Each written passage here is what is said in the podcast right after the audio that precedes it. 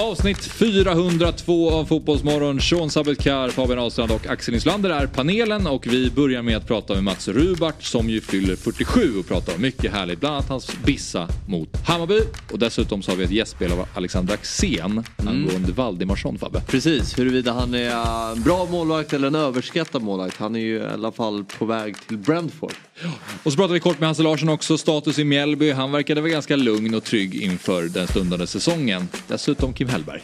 Ja, vi tar ju tempen i Spanien och Hammarby och Kim Hellberg och kollar läget där och eh, får fram en del intressanta svar. Sen kommer Fotbollsmorgons egna husjurist hit, eh, Ludvig Moore. Han eh, reder ut det här med Fifas nya regelverk som nu verkar slopas efter bara tre månader. Och avslutningsvis Tommy Myllymäki gästar studion och det är ett fantastiskt härligt samtal där vi pratar om allt mellan fotboll och Sveriges Mästerkock. Så missa inte avsnitt 402. Tune in! Fotbollsmorgon presenteras i samarbete med Stryktipset, en lördagsklassiker sedan 1934. Yeah, va? Woo! Va? Vad fan är det som händer? Va? Vad fan är det här alltså? Jag blir fan jävligt kär alltså. God morgon, god morgon, fotbollsmorgon. Det går liksom inte att sitta still. Upp och hoppa nu, vi gör det här en gång till. Det här är terapi och lösa kanoner på däck. Yes! God morgon och varmt välkomna till Fotbollsmorgon. Det är avsnitt 402. Jag, Axel Insulander, är i studion och så har vi Sean Sabetkar och Fabian Ahlstrand. Ja, Mycket trivsamt. mm, verkligen. Hur mår du Sean? Jag mår bra. Jag har en, sitter med en fin panel så jag kan inte bli gladare. Nej, jag sa det precis innan vi drog igång att det, nu går vi in i fyrbackslinjens era. Det vill säga eh, när alla avsnitt var på någonting med 300 så var det trebackslinje och så avsnitt 343 så var det en 343 vi spelade och sådär. Nu spelar vi en 402 så jag vet inte riktigt vad det är för... Många av, utvisade spelare. ja precis, matchen hade väl avbrutits då. Men frågan är hur vi firar avsnitt 442. Precis, då måste vi ju ta in... Vem, vem är mest förknippad med 442? Ja, men jag vill ju ändå hävda att Pelle Olsson är ju den sista utposten. Mm, jag tänkte Alltså, han är väl. Roy Hodgsons sista adept på liksom elitnivå nu. Ja, Egentligen. Jag kan inte komma på någon annan i Allsvenskan. Nej, alltså allsven, någon allsvensk tränare som jobbar Ja mycket eller i... 442. Ja eller i... Jan Andersson Europa. är väl också en... eh, Jo men han är ju inte aktiv. Nej, nej, han har inte heller lagt skorna på hyllan. Eller Nej, men han har inget uppdrag. på hyllan. Nej, det har han inte. Det har han inte. Sean då, vad, vad säger du? Vem, vem tänker du på när du hör 442? ja men jag håller med dig Fabbe. Sen så, vi brukar ju slänga ut eh, uttrycket bland oss spelare att eh, de som kör 442 är ju dinosaurier. Så det är den sista dinosaurien. Ni får välja vem det är. Men hävdar inte du att det är lite modernt igen då, eller? Alltså jag tycker ju att eh, alltså, fotbollen har ju lite gått ifrån det här formationsstyrda generellt. Mm. Utan det är ju flera formationer i en och samma match och där ingår ju 4-4-2. Det är ju väldigt många lag som spelar 4-4-2 idag. I försvarsspel framförallt. Mm. Man märker att Fabbe, alltså han, han är där. Det är så, för Fabbe har ju liksom fan bara lämnat eh, oss kvar. I, det är man, man, det är mycket skönare att bara kunna prata om vad spelar de för formation. Fabbe vägrar säga det. Mentalt är jag inte här. Du har ju själv suttit och varit förbannad på folk som säger att det är en lek med siffror men nu är du en av Ja nu är det där. Alltså, Ja. Det är lite vidrigt men jag, jag, jag, respekterar din, din grind och din effort. Ja, precis. Men eh, så är det. Sen har vi 4-3. Vad, vad, vad, har du för form, favoritformation då? Som mittback? 4-3-3, 4-3-3. otroligt. Jag, jag skulle hävda på att det är den bästa formationen som finns. Och det här lek med siffror hit och dit, ja absolut men 4-3-3 är det bästa. Nu har jag spelat treback i alldeles för många år. Eh, så att eh, jag... Det Eh, var därför han inte slog igenom på riktigt. um, ja, vi hävdar det. Vi säger så. Men eh, 4-3-3. Men är inte det lite eh, skönt att en treback? Att ha eh, fler bredvid Jo, alltså är man långsam så blir man ju skyddad så att det är ju skitnice. Men, eh, Är du det- långsam?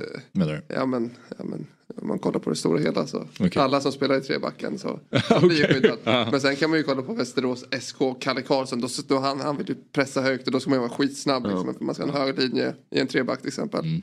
Eh, Så det beror på lite hur man väljer att spela. Jag menar Degerfors så backade vi hem och kämpade Mm. för livet. Så att, Kommer Västerås spela så i Allsvenskan? Ehm, För de spelar, de spelar väldigt mycket, för de som inte har koll, man-man inspirerat spel i Superettan som var väldigt framgångsrikt. Men de kliver ju väldigt, väldigt högt i försvarsspelet. Eh, men eh, ja, enligt Kalle, jag har ju pratat med honom en hel del så att han vill ju fortsätta på samma spår. Så att det tror jag inte att han kommer tumma på.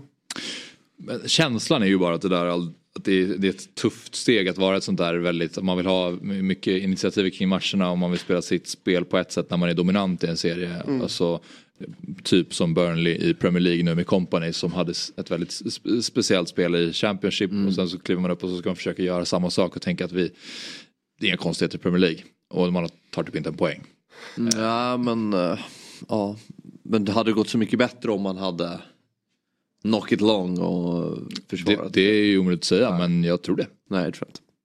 Nej men jag hävdar ju på att de första 5-10 omgångarna då lyckas det ju störa folk. Ja, Ordentligt. Men det är bara att kolla på BP förra året. ja men precis. Men alltså, Exakt. de första 5-10 då kan man störa folk. Men sen så börjar folk läsa av. Och då behöver man hitta andra vägar. Men jag tror att, eh, nu tog vi Västerås som ett exempel. Men Kalle är, han är ju, han är ju taktiskt nördig. Han, han eh, kan ju, vi kan ju ha en dialog klockan 12 på kvällen liksom. För att han, så han, han sitter och kör. Så att han borde vara förberedd. Hoppas vi. Ja, ehm, och så har vi då 98 avsnitt kvar till 500. Så att det, det, vi tågar på fort här. Precis. Det är inte lika stort. Som 442. Nej. Avsnitt fyra. Nej men avsnitt 442 måste vi göra någon grej av. Ja, ja, verkligen. Så är det ju. Får man hoppas att man sitter där i studion. Eh, födelsedagsbarn. Xavi fyller 44. Zelensky fyll- fyller 45. Undrar hur han firar. Eh, I Ukraina. Om han har tid att fira. Mats Rubart fyller 47. Mm. Vi, hade, vi hade ju Nikola Vasic här igår. Mm. Cykelsparkarnas kung. Mats Rubart kanske har gjort det fulaste bicicleta-målet någonsin. Alltså, det är ett snyggt fotbollsmål men Det är väl definitionen av en farfarbissa. Ja. Alltså, ett, båda benen måste ju cykla för att det ska räknas. Men det är mer av en stöt. Liksom. ja, vi, vi, Ja, vi kan vi rulla det? ja, den kommer upp va? Eh, precis, för vi har ju det faktiskt. Det är så. Det är AIK, spelat AIK som barnsben. Oj, oj, oj, Den är oj, ju, oj. den är ju, Det ikonisk och den är ju läcker. Det kommer från ingenstans. Det är Rubart som slår en bicicletas rakt upp i nättaket. Inlägg av Andreas Och pratade Ni vill inte ge honom det. Jo, Jo, det är ett jättesnyggt mål men eh, Men han är farfar. jag bara undrar om vi, jag vet inte, så bara mickar hörs när, när, jo då, det ska de göra. Men jag hörde att de massa ljud i våra hörlurar. Men ehm, alltså ja, det är väl, jag vet inte om en farfar hade kunnat lösa det där. Men det är, eh, framför, eh, det jag menar är bara att om du kollar vänsterbenet, alltså du ska ju, först ska ju upphoppet ske, sen kommer cykeln. Och eh, det är ju mer sådär att han står nästan kvar på vänsterbenet, men det är också det är ett jättevackert mål. det är ett jättevackert Ja, ja, mål, absolut. det är mot Bayern på Råsunda, det finns så mycket som är helt fantastiskt med Är det. det då Arne Hägerfors kör, eh, är det Brasilien vi ser eller AIK? Ja, det kan, jag, Det, för de gör också ett annat snyggt mål när det verkligen är ett klapp-klapp-spel. Jag tror fan att du kommer ihåg det där. Du Jo, men det är ihåg- ändå- Nej, Men det är ändå ett klassiskt Nej, men, referat. Det är inte men att man Fabbe kommer ihåg det. Nej men- men Fabbe kommer ihåg, det, ni vet ju själva. Han, han, du memoriserar allt. Vad är det som händer inne i huvudet egentligen? Men den här är ju ändå, det är ju, alltså. Du känner igen den också, var inte passiv här. ja. Ja exakt. Ja, jag sa ju det. Ja. Ja. Passiv, jag har Jag redan bekräftat det. till honom. Passivt aggressivt. Som igår när Fabbe skallade mig på armen. I förrgår kanske var. Stod så här, höll ett glas vatten, så kommer Fabbe bara Förtjänar det. Alltså inte, det låter ju värre än vad det var. Det var du skulle ju komma och liksom skojhälsa typ. Och så gjorde du så jävla kraft så att allt vatten bara flög. Och det var fullständig kalabalik. Det var, det var eh, Fabbe som fick städa upp. Så här, vi har ju hört av oss till Mats Rubart. Och eh, han kanske kan vara med om en liten stund. Oj. Det vore ju fantastiskt. Ja, faktiskt. Ja. Vi får se. Eh, men han fyller i alla fall år eh, idag. då. Han fyller 47 och sen är det årsdag för Cantonas Kung Fu-spark också. Mm. Vi kan väl ta och titta på hur den såg ut. Den skedde alltså då 25 januari. Uppenbarligen. Oh, man ser den lite snabbt där. Oj jävlar vad lack han är. De där slagen efteråt här. Det är, bara Ja. stillbilden när han kommer med trycksparken i bröstet på den här supporten. Vad vad- vad reaktioner när ni ser bilderna? uppfriskande. Ja, Han får ändå ut sina aggressioner. Visst, man ska inte göra sådär men det är, det är lite uppfriskande. Fabbe? ja, jag vet inte. Är den lite överskattad? Ja.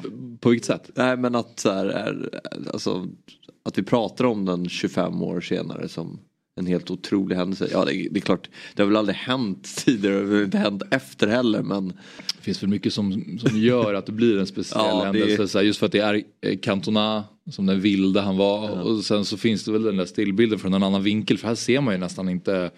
För det går så fort och kameran är lite bakifrån. Men när man verkligen ser hur det är en tryckspark i bröstet. Vad är det närmsta vi kommer där? Erik Dyer hade väl en, en sån där incident när han, försökte, han skulle storma upp på läktaren och sopa någon. Sana med spjutet.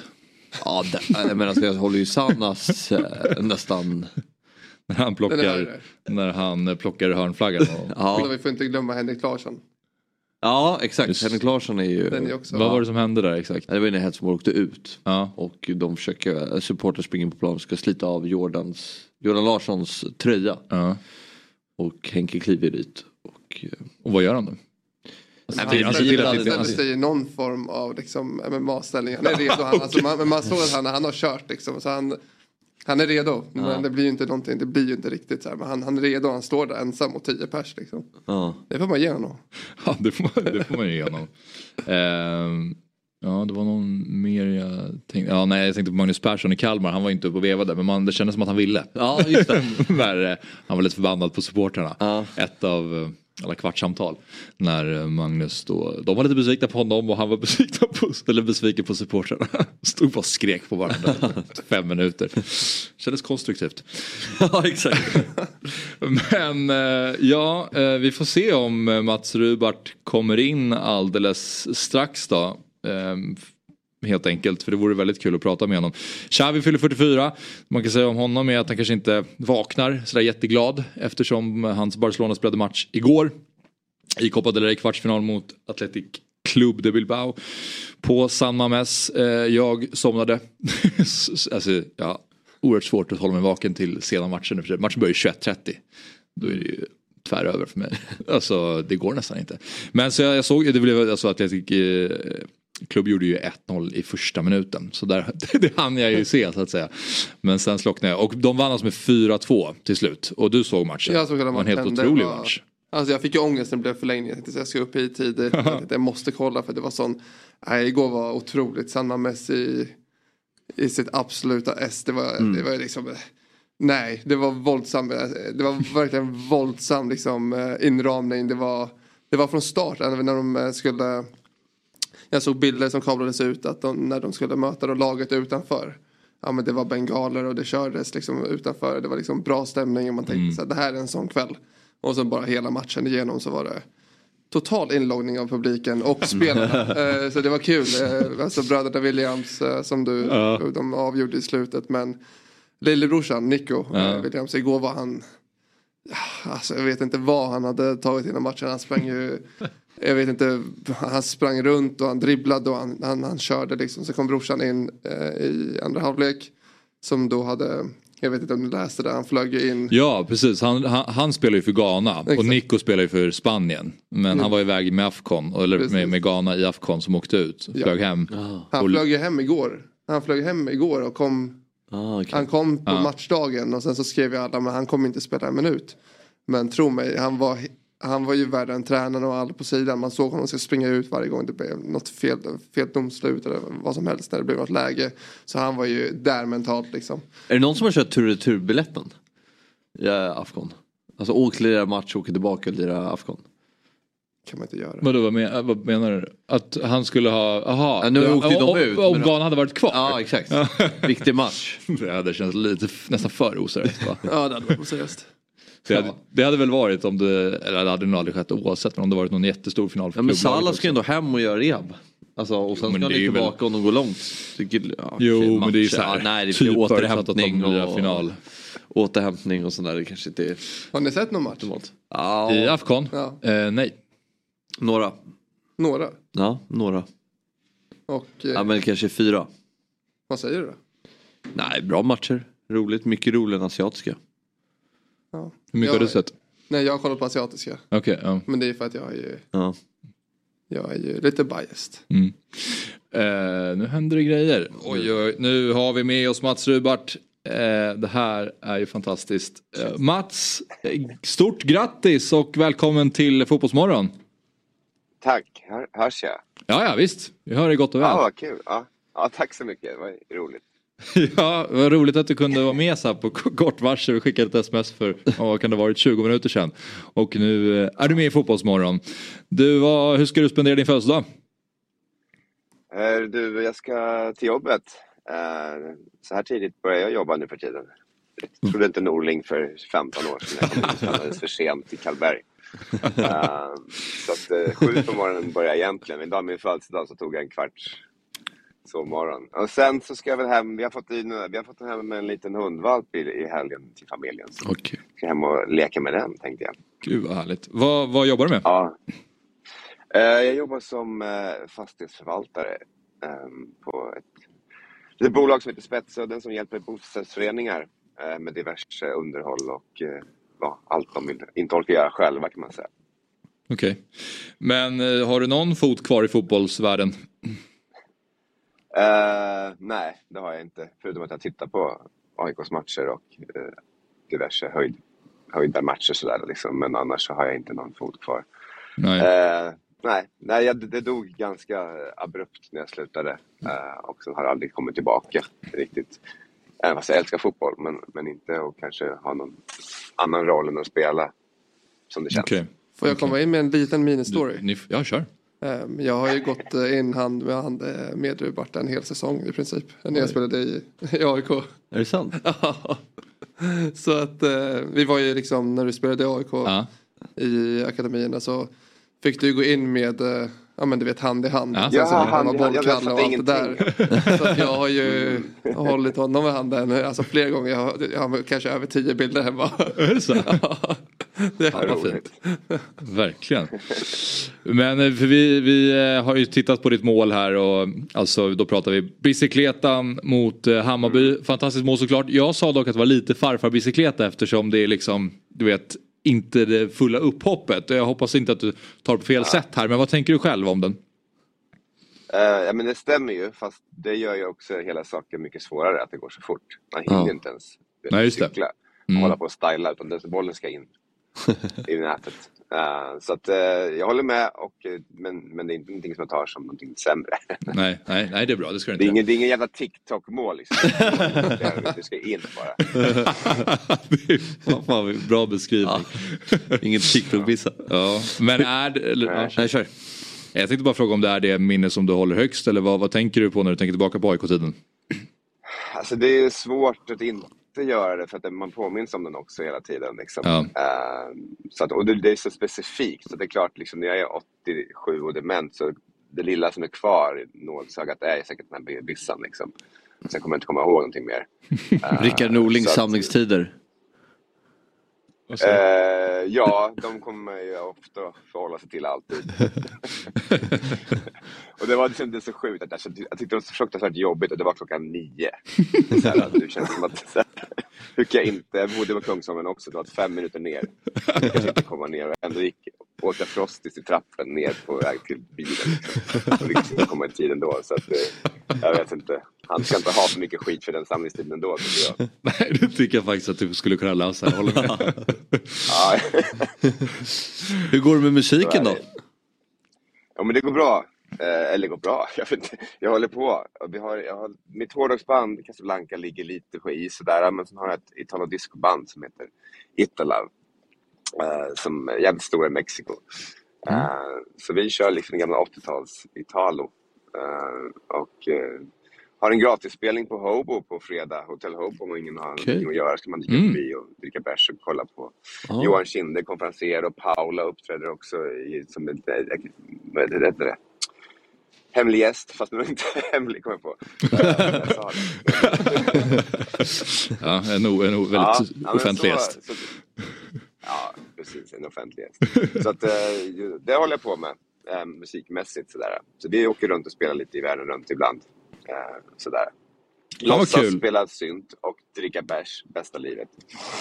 Ja, jag, lyssnar, jag lyssnar faktiskt regelbundet på Lycklig man. Det är en fantastisk låt tycker jag Mats. Är det så? Ja, men det, jag får väl eh, säga tack. för det. har, ni hört, har ni hört det? Även fast jag själv kanske inte håller med. Men, Säkert om jag hör den. Du gillar den inte? Ja, men det har allting, tiden har ju sin gång om man säger med Jo. allting. Eh, det var, ju- jag var inte så van att skriva låtar då. Jag tyckte att jag fick ihop en enda ganska uh, dänga, liksom. alltså, hyfsat svängig låt. Liksom. Eh, sen så kunde jag ha gjort mycket saker bättre, vet jag nu. Men det är kul och det är med i ett kul sammanhang också. Sådär. Så att, eh, jag tycker att det är kul att folk gillar den. Jag gillar texten, är, texten är typ eh, Jag vill vara en lycklig man Dansa gata fram, spela bowling med sitt gäng, kommer tidigt i säng. Det är väldigt härligt att det är som att du vill bara Det låter som att så här, jag vill bara vara en person som har allt under kontroll och är lite så här småtråkig men alltid ändå lite nice. Ja, men det, det är lite så. Men det är. Det är, jag garvar lite åt min egen text här och det är inte direkt någon liksom Lundell. Men det var, jag var bara 23. Jag hade inte skrivit en låt förut på svenska typ. Så det, var, det vara okej. Jag tycker att det blir lite kul, kul rim i alla fall. Ja det tycker jag. om att jag, eftersom jag skulle passa in på AIK-skivan, så, skrev jag, så skulle jag ju säga att det var att jag spelade boll med ett gäng. Men folk tyckte inte att det lät som det, det lät som bowling så jag höll på att bråka om det. Jaha. Ja, Okej. eh, men för att jag skrev texten först tror jag. Eller nej, jag vet inte, jag kommer inte ihåg hur det var. Men sjukt tråkig anekdot. Fortsätt, gå vidare. Ja, vi, ska, vi ska bara fråga dig också om eh, nya namnet på AIKs eh, arena då. För att du eh, skrev ju själv att eh, angående då att den kommer heta Strawberry Arena så skrev du vi hade nog turen då. Det kunde ju lika gärna blivit Imodium plus läkemedel mot akut diarré arena. Ja, det kunde det ha blivit. Man vet Ja. inte nu för tiden. Men, men det är så här, jag tror bara man får hacka i sig att så här är samtiden. Det är liksom eh, så överallt. Det, det, det är företag som sponsrar arenorna och det, det ska tydligen vara så. eh, om man ska hänga med. Och då är det bara att hacka i sig det och tycka att det, det, ja, det är tråkigt att det inte kan heta Råsunda eller något annat. Liksom. Det är som att friend, folk tycker så här, Friends, fan vad tråkigt att inte den namnet finns kvar. Men det är också ett sponsnamn. Ja. det, Mm. Jag vet inte. Spelar någon Mm. roll liksom, egentligen.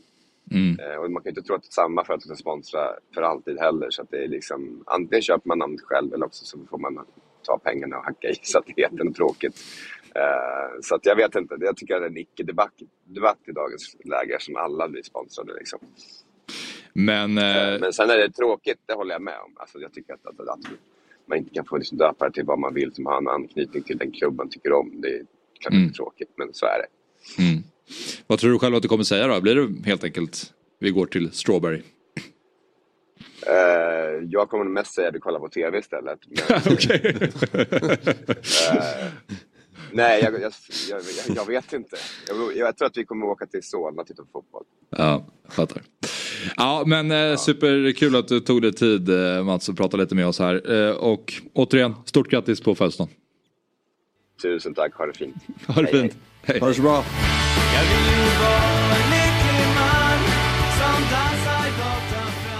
Ja, det var en rolig start på den här morgonen. Och um, ja, verkligen. En överraskning. Ja. Sen är det ju kanske för att jag håller på AIK så då blir det extra Nej, varmt. men det är ju ändå en eh, stor profil. Det får man väl ändå säga. Ja, När herregud. han eh, hade sin sista match på Råsunda så tog han av sig alla kläder och kastade upp dem på läktaren och jag har hans benskydd. Är det så? det har inte jag kvar än, tyvärr. Jag kan inte säga det till honom, han hade blivit ledsen. Är du besviken att han inte känner igen dig? Nej, det är jag absolut inte. Eh, Det hade jag kallt räknat med. Men eh, eh, jag vill inte säga att jag tappade bort den. jag var liten. Nej, Du får eh, ringa upp honom och berätta om, om det efteråt.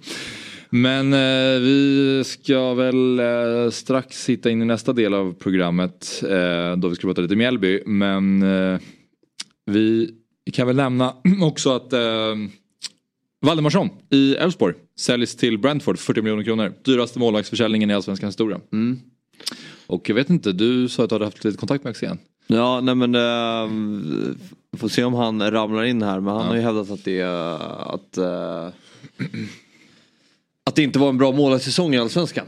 Mm. Och eh, jag hörde att Valdemarsson är kanske en av de bästa målvakterna vi har haft i, i, i serien på Ja. flera år. Och eh, det resulterar nu i en övergång till en eh, väldigt stor klubb.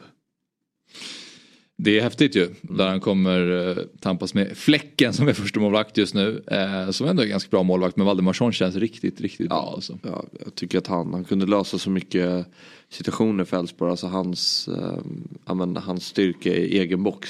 Inte bara rädda bollar utan att vara så dominant i luftrummet. Och, eh, jag tror det kommer bli ett stort tapp för Elfsborg. Eh, och där har vi honom eh, som tycker att det var seriens mest överskattade Ja, vad, spelare. nu när vi har Axén med oss på länken, vad vill du säga Fabbe? Nej men han hävdade ju att det, att, att det var en svag, svag målvaktssäsong och det inkluderar ju alla målvakter, även Valdemarsson. Ja, vi, vi, vi får väl göra det tydligare här och, och, och säga välkommen till Fotbollsmorgon Ä- Alec. eh, Vad, vad, vad tänker du om Fabbes ord här? Eh, Jag vet knappt vad han säger för han bara gå in nu och så visste jag inte vad jag skulle göra. Jag trodde jag skulle prata med Rubart men eh, det var tydligen att jag skulle säga att målvakter är bra helt plötsligt. Det är ju det varit chockerande dåligt de sista två åren. Eh, Jag jobbar med Per Hansson som hela tiden försvarar dem. Slänger sig när bollen är på väg ut och så styrs den in utanför straffområdet och det var helt otagbart. Och, och så Ja. vidare och så vidare. Nej men de, de har varit dåliga de sista två åren. Det är Men du fastnar ju för typ en incident när han springer ut och tar ett rött kort mot Värnamo. Det är den du, det är den du fastnar i.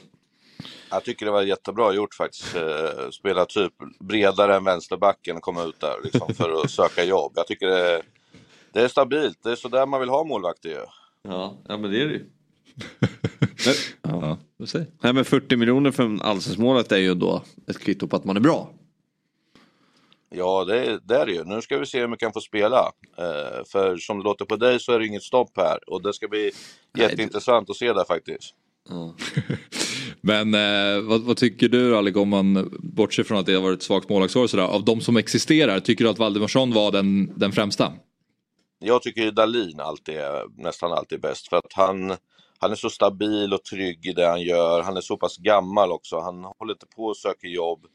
Och han har ju det svåraste nästan jobbet också för de gångerna han måste göra räddningar så är det nästan friläge för det kommer kontringar och grejer. Så, så han, eh, han, han vet hur det är att vara målvakt i ett topplag. Det är det som är. Det finns ju skillnad på de som ska spela i bottenlag, till exempel Oskar Jansson som blev årets spelare i ÖSK med 58 insläppta varje år.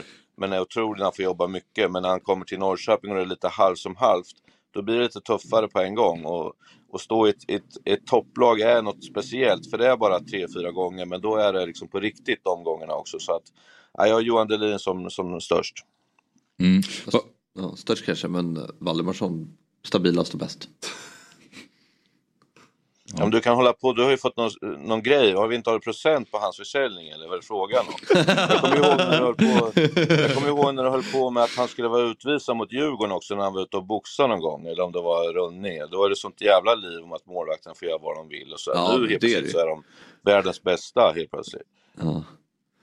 Men... Eh, vill du säga? Nej, hur- jag inte. Nej. Har du något, något instick i diskussionen? Sean? Nej, god morgon Axén. Kul att se dig. Tjena, det är kul att se dig också. Det är skönt att du fick vara iväg på en liten semester i åtta matcher. Vad fan. Ja, det var, det var jättekul. Jag tänkte att du kanske skulle ta dig ditåt och ta något tränarjobb. Ja, men du, Jag hinner inte på åtta matcher, du måste spela i alla fall 20 för att jag ska hinna, packa re- resväskan. Stare mår bra där i alla fall.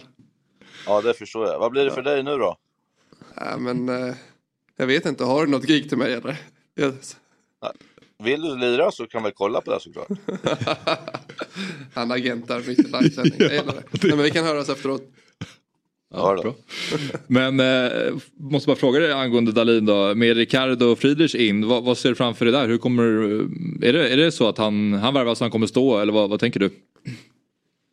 Eh, ja, men, eh, jag vet inte, jag, det är så länge sedan jag höll på så Fabbe var knappt född då. Men jag hade ju både Oskar Jansson och Jakob Rinne som målvakter som jag varierar på. Eh, Mm. Sa hela tiden att bäst för dagen står beroende på vad vi ska möta för motstånd och så vidare. Och alla tyckte att nej, men det är som Fabbe, du vet, det ska vara trygghet och helst ska det vara en målvakt som har antingen en reservkeeper som är 45 år, inga ambitioner alls, eller också ska han vara 13 år.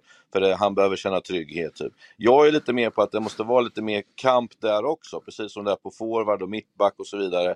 Så att jag är ganska säker på att det skulle kunna bli att de varierar lite, beroende på vad det blir och sådär. För att det är två otroligt, otroligt bra målvakter och det vore ju helt bortkastat att inte ha att den ena spelar utav dem. Så Mm. att eh, jag tror att de kommer, jag tror att de kommer få spela eh, lite blandat.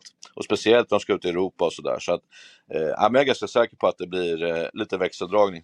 Jens Gustafsson, förbundskapten. Tankar?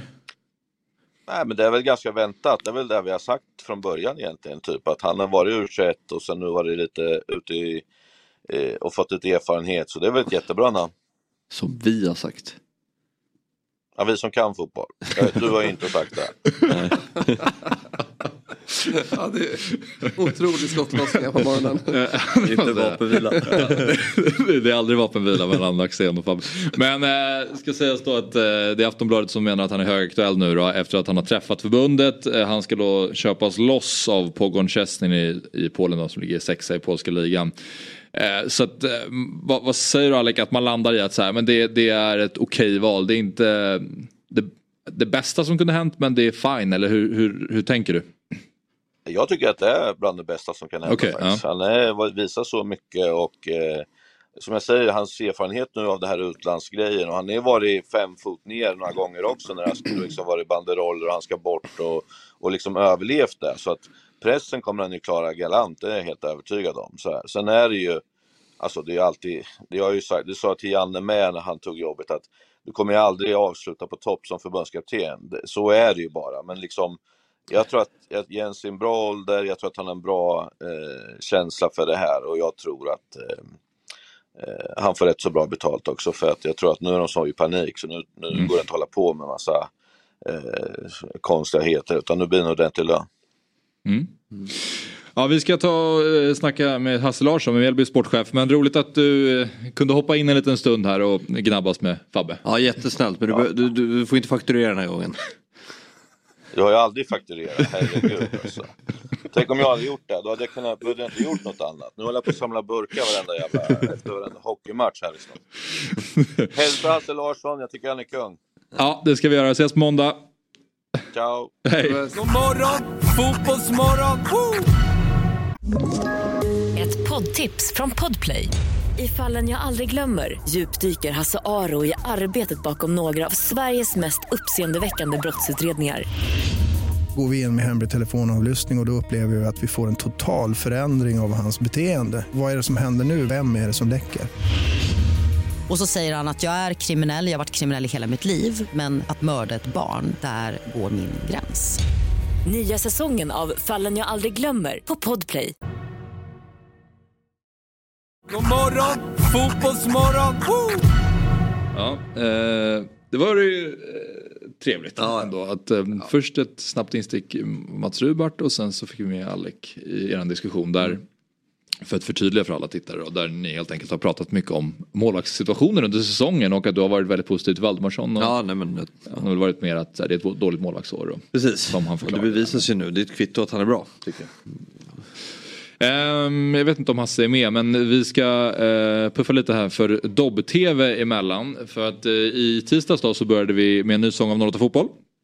Där det är eh, du som sitter i Djurgårdsstolen i det avsnittet och så jag som programledare och så har vi Joakim Wernersson, aik och John Jompa Holmström som bajare. Det var ett eh, härligt första avsnitt tycker jag. verkligen. Täckte en hel del. Eh, angående Stockholmsfotbollen och eh, då har vi ju då ett erbjudande där vi har ett halvårskort där man får allt på Dobb-TV eh, för 299 kronor. Och då är det ju alltså Eurotalk också och så är det FPL Sverige och dessutom finns det mycket gamla Quisaleta avsnitt, fotbollsquiz alltså. Eh, sen finns det också ett 08 fotboll eh, erbjudande. Om man bara vill se 08 om man bara brinner för någon av de klubbarna så har vi ett halvårskort för 08 fotboll 199 kronor för hela våren fram tills 14 juni då fotbolls-EM drar igång. Ja. Så att eh, scanna QR-koden eh, eller gå in på dobb.tv slash subscribe och sen bindestreck arskort. Där har ni eh, era länk för att hitta till eh, men annars är det bara att gå in på Dobb-TV och trycka sig för årskorten. Det var allt för eh, Dobb-TV. Men återkommer till det för att nu är det verkligen dags att trycka på det. För nu drar vi igång på riktigt. Framförallt i 08 fotboll-världen. Hasse Larsson, ja vad är status i Mjällby? Det ska vi få veta nu förhoppningsvis. God morgon Hasse och välkommen till eh, Fotbollsmorgon. God morgon, god morgon. Tackar. Du, eh, hur, eh, om man bara ska, något, någon form av övergripande start här. Vad är liksom, hur mår du och hur är status i Mjällby i januari i uppladdningen inför Allsvenskan 2024? Nej, men eh, jag tycker vi mår bra och eh, eh, vi har ju största delen av truppen eh, klar sedan förra året så att eh, vi har fått kontinuitet i det för första gången på, på flera år så det, det känns väl eh, eh känns rätt så stabilt tycker jag. Mm. Och nu säger första gången på flera år, vad är liksom skillnaden nu då kontra tidigare? Har ni jobbat på något annat sätt eller är det bara att truppen var satt sedan tidigare? Ja, exakt så att truppen, eh, största delen av truppen är satt eh, redan tidigare. Innan de åren, de, alla åren i Allsvenskan egentligen har vi bytt ut sju, åtta startspelare men detta året har vi lyckats behålla de flesta så att eh, det känns lite stabilare. Mm. Jag förstår att det ger ett lugn till, till dig i din roll men kan man känna av det på laget också att det finns ett lugn i att jag, menar, alla, jag känner ju igen alla, alla här och att man, det finns en trygghet i hur, att man kan jobba vidare med det. Ja, absolut. Har längre tid på sig att spela ihop sig och sådär så att det, det känns bra. Mm.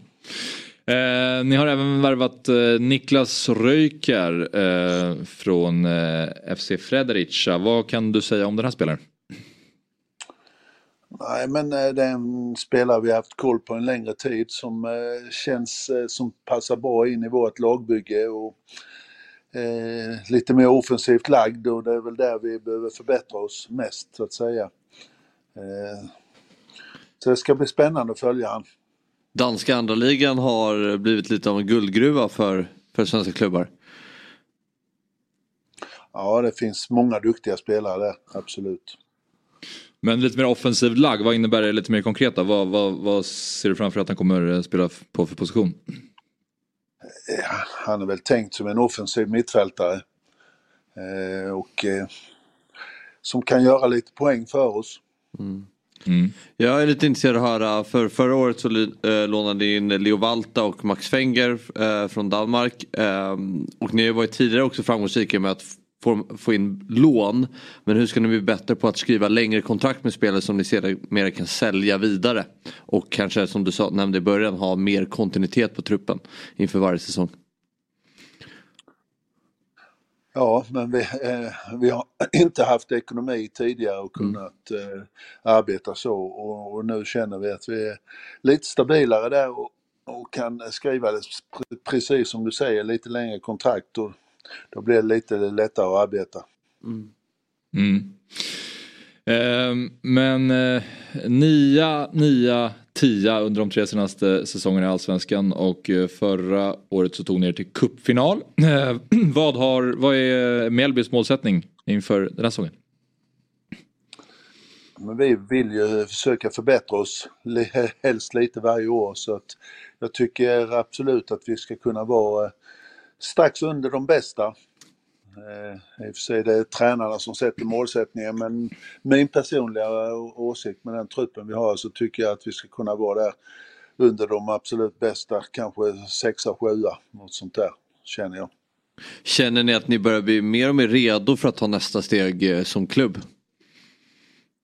Ja, det gör vi hela tiden tycker jag. Mm. Vi har en fantastiskt bra eh, ungdomsverksamhet och vi har kunnat satsa mycket pengar där. Och eh, vi har kunnat sålt spelare och sådär så att eh, jag tycker att vi är på rätt väg. Mm. Får jag fråga en sak? Gärna. Jag tänker, du, vi är i ett fönster här och jag vet ju hur Degerfors och Patrik Werner jobbar under fönstren. Men jag kan ju, det är ändå liknande föreningar så att det är lite mindre och att man får jobba på lite speciellt sätt eh, vid rekrytering av nya spelare. Hur, hur gör du i, ditt, i din scouting när du ska rekrytera till just Mjällby? För det är ändå speciellt att komma till Mjällby eller Degerfors eller annat. Hur, hur resonerar du när du ska värva spelare? Nej, men det är säkert, vi är ju en liknande klubb som Degerfors som du säger så att vi måste försöka hitta spelare som passar in, eh, Eh, som kan trivas eh, på lite mindre orter och eh, jobba hårt och försöka hitta de spelare. Vi, vi, har inte möjlighet att ta in spelare bara för att vi ska utan vi får se vad vi behöver och eh, göra det bästa av det, den situationen. Använder du dig av scoutingverktyg eller går du på de du litar på i branschen? Eh, mest de jag litar på i branschen, absolut. Mm.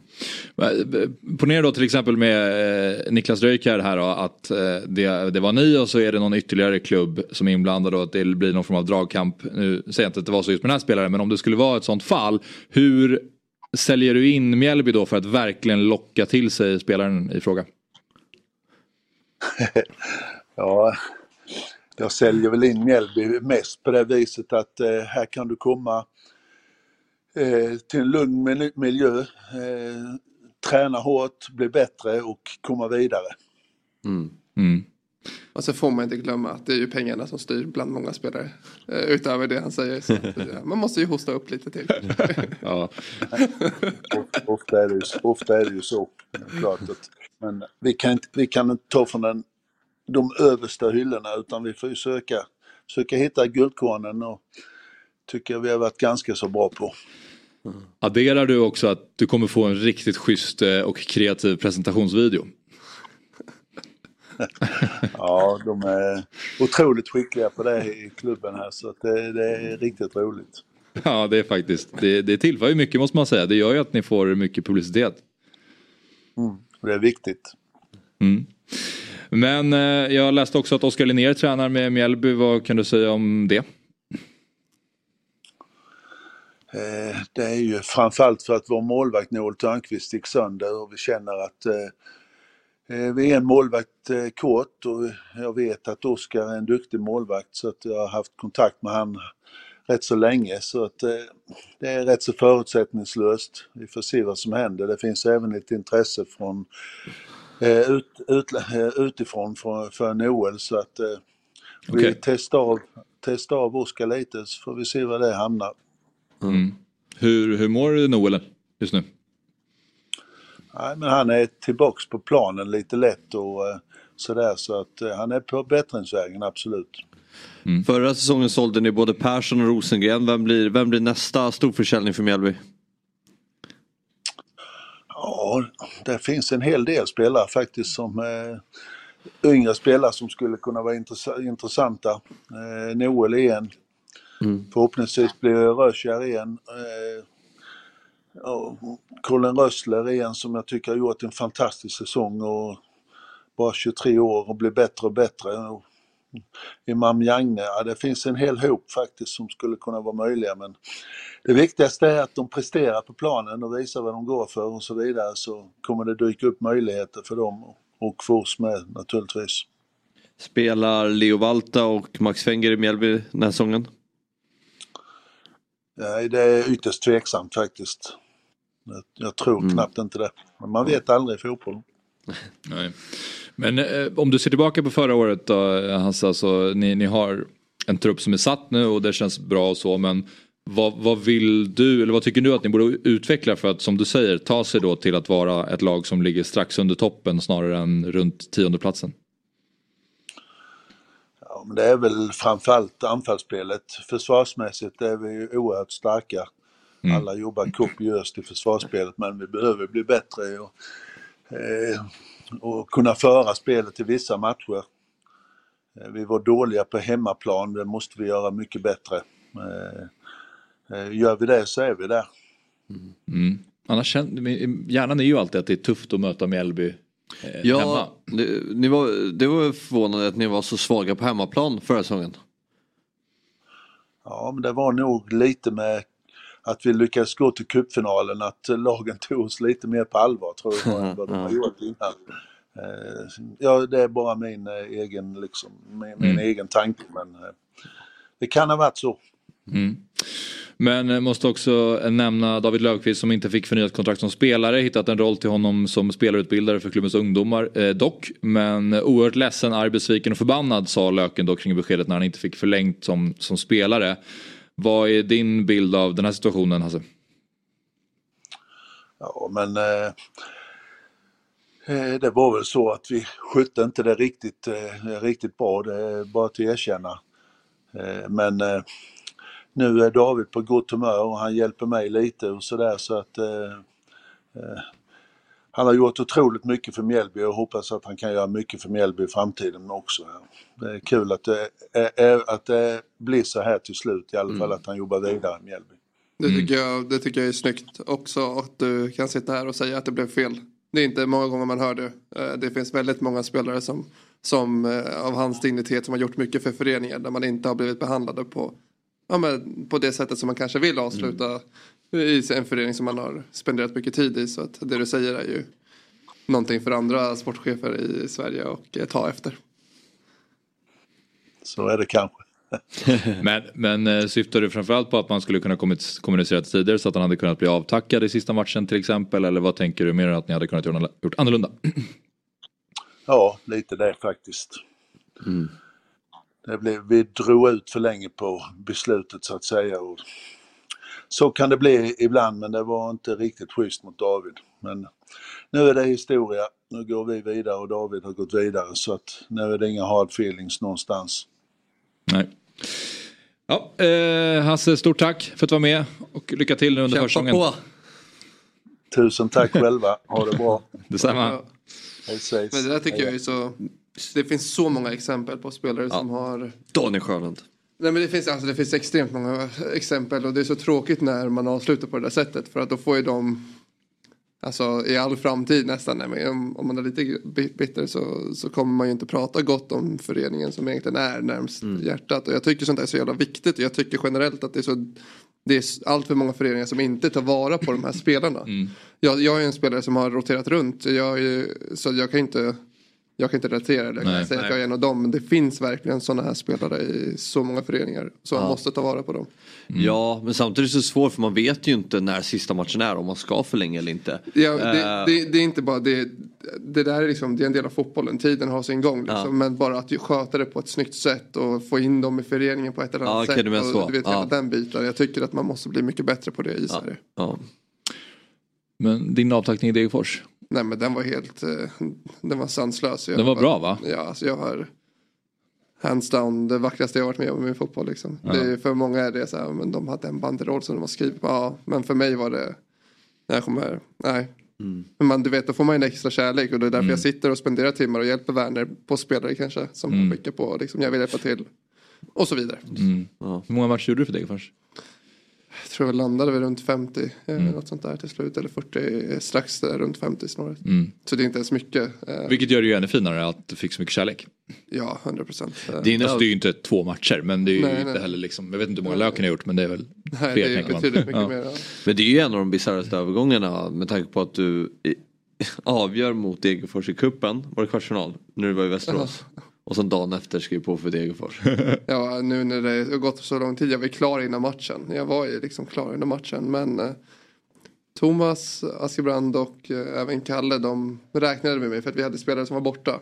I Och de, Västerås I Väs- Västerås. Och de, vill, de räknade med mig och liksom. De visste ju att jag var professionell så de sa kör du. Liksom. Jag sa ja jag kör. Och du gör mål Ja, och, vi går vidare. och skickar ur Degerfors-cupen. Ja. Då är du redan klar för dem. Ja.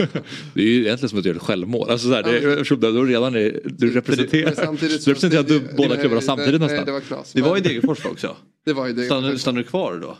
Nej, jag åkte hem och så åkte jag på dagen, dagen efter åkte jag tillbaka. Men... Det varit så jävla sjukt. Också åka till sin nya lägenhet. Eller åka direkt till träningsanläggningen. Tjena boys, sorry. Ja, det var lite småstelt. Men eh, alltså, jag har ju, man har ju fortfarande ansvar, ett ansvar. Som, Jo, jo, Ja, det är klart, du gjorde inget Du fel, skulle ju inte men- spelat den matchen. Egentligen. Jo, men Ja. det är ju en bra story till sen. Ja, det, nu är det Alltså det. du var ju Ja. fortfarande kontrakterad Västerås-spelare då. Ja, jo, jo, ja, så det är du, du var ju tvungen att göra så. Ja. Men, men eh, det är speciellt. Ja, det är speciellt. Ja, eh, vi tar oss vidare till vår nästa härliga person på länk. Nämligen Myggan. Myggan, Tjena, tjena, tjena. hur mår du? Jättebra. Hur mår ni? Bra energi då? Ja, härligt. Det gläder mig, jag tycker det. Jag är lite ledsen nu för att jag gillar mer när du sitter här Ja. än när du är med på länk. Men eh, jag förstår att du vill vara där, men jag gillar inte. Ja, det är skönt, det är skönt att höra att man är saknad. Vi tar igen det nästa vecka. Bra, bra. Lite tufft med Girona igår. Alltså 3-0 efter det, 20 minuter. De gjorde, ju allt, de gjorde ju allt också, de vilade ju några av deras bästa liksom. Men de, de satte in allting i halvlek också, försökte vänta på det. Och var nära. Så kommer kom röda kortet, man hoppas lite, men icke sa Nicke.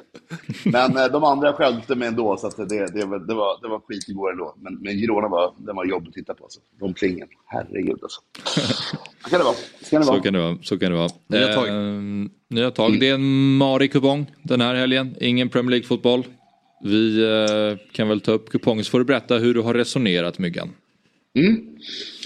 Har FA-cup eh, och eh, League One och eh, en skön mix helt enkelt. Blandat med lite, lite Championship. Vi har mina spikardrag. Eh, I FA-cupen har jag valt Leeds mot Plymouth. Plymouth har massa, massa, de har tre stycken startspelare som är cup-tied, som är inlånade. Och de är seriens sämsta eh, bortalag.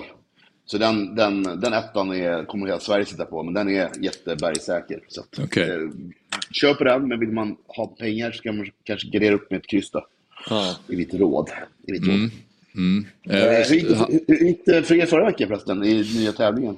Ah, knackig start för mig och Fabbe. Jag och Fabbe är ju lag ju och eh, vi fick sju rätt bara tyvärr. Ja, det är en lång säsong.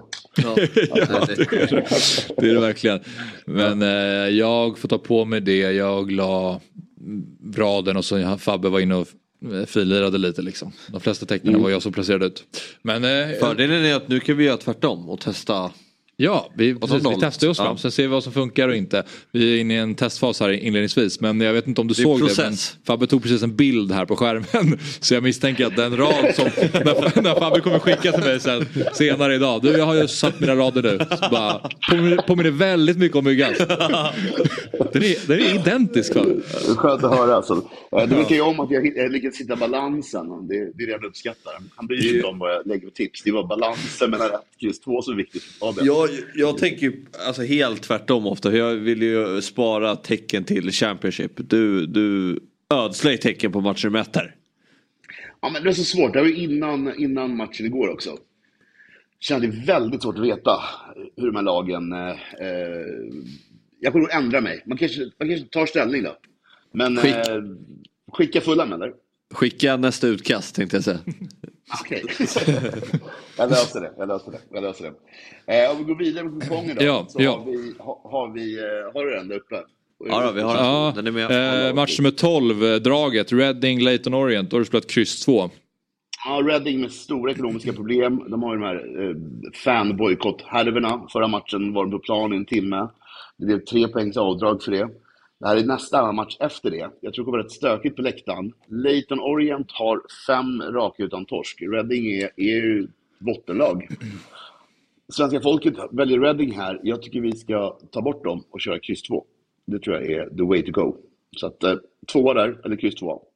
Mm, bra. Och lite samma, samma sak i match nummer 13. Jag ser inte varför Wigan har 45% på strecken när oddsen är 3,1 på Wigan och 2,2 på eh, Stevenage. Okej. Och eh, avbräck och liknande ser jag inte heller en större skillnad i lagen. Stevenage är ett jättebra lag och på väg upp mot kvalplats. Jag kommer att ta bort Wigan där också. Ja, bra. Så kommer det bli. Så kommer det bli. Det här kommer vi ju absolut att ta med oss och eh, eventuellt Absolut. kopiera eller Fabbe? Absolut. Ja, men lite, ska, lite egen, egen prägel. Och vi har ju lite fler tecken. Det här är 384 rader som du har plockat fram nu. Vi, spelar ju 1152 i vår eh, utmaningen då.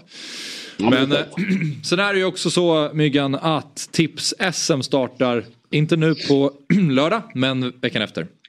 Mm, det är Och, dags eh, att eh, få upp lagen tror jag för alla. Det är, liksom, det är vecka kvar, men det, det, det är lag, lagbyggevecka som gäller. Precis, precis. Det är alltså eh, sex veckor eh, som Tips-SM är igång. Det är 64 rader. Man får ta bort den sämsta veckan och eh, lagtävlingen är samma. Det är minst fyra laget, max fem och man får räkna bort den sämsta där också. Vi har ju tre olika lag i Fotbollsmorgon. Fotbollsmorgon vardag. Där Myggan ingår. Det är, eh, det är David, det är Jesper, det är Robin. Och sen så har ni någon mer va? Hoppas eh, Julia är med kanske, eller? Och Julia också.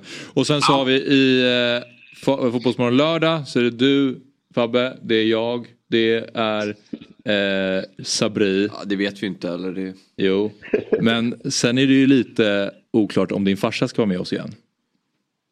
Vi hade ju Todd Ja, och min precis. farsa. Ja. Så det är ju de som... Vi måste, någon av dem måste byta ut.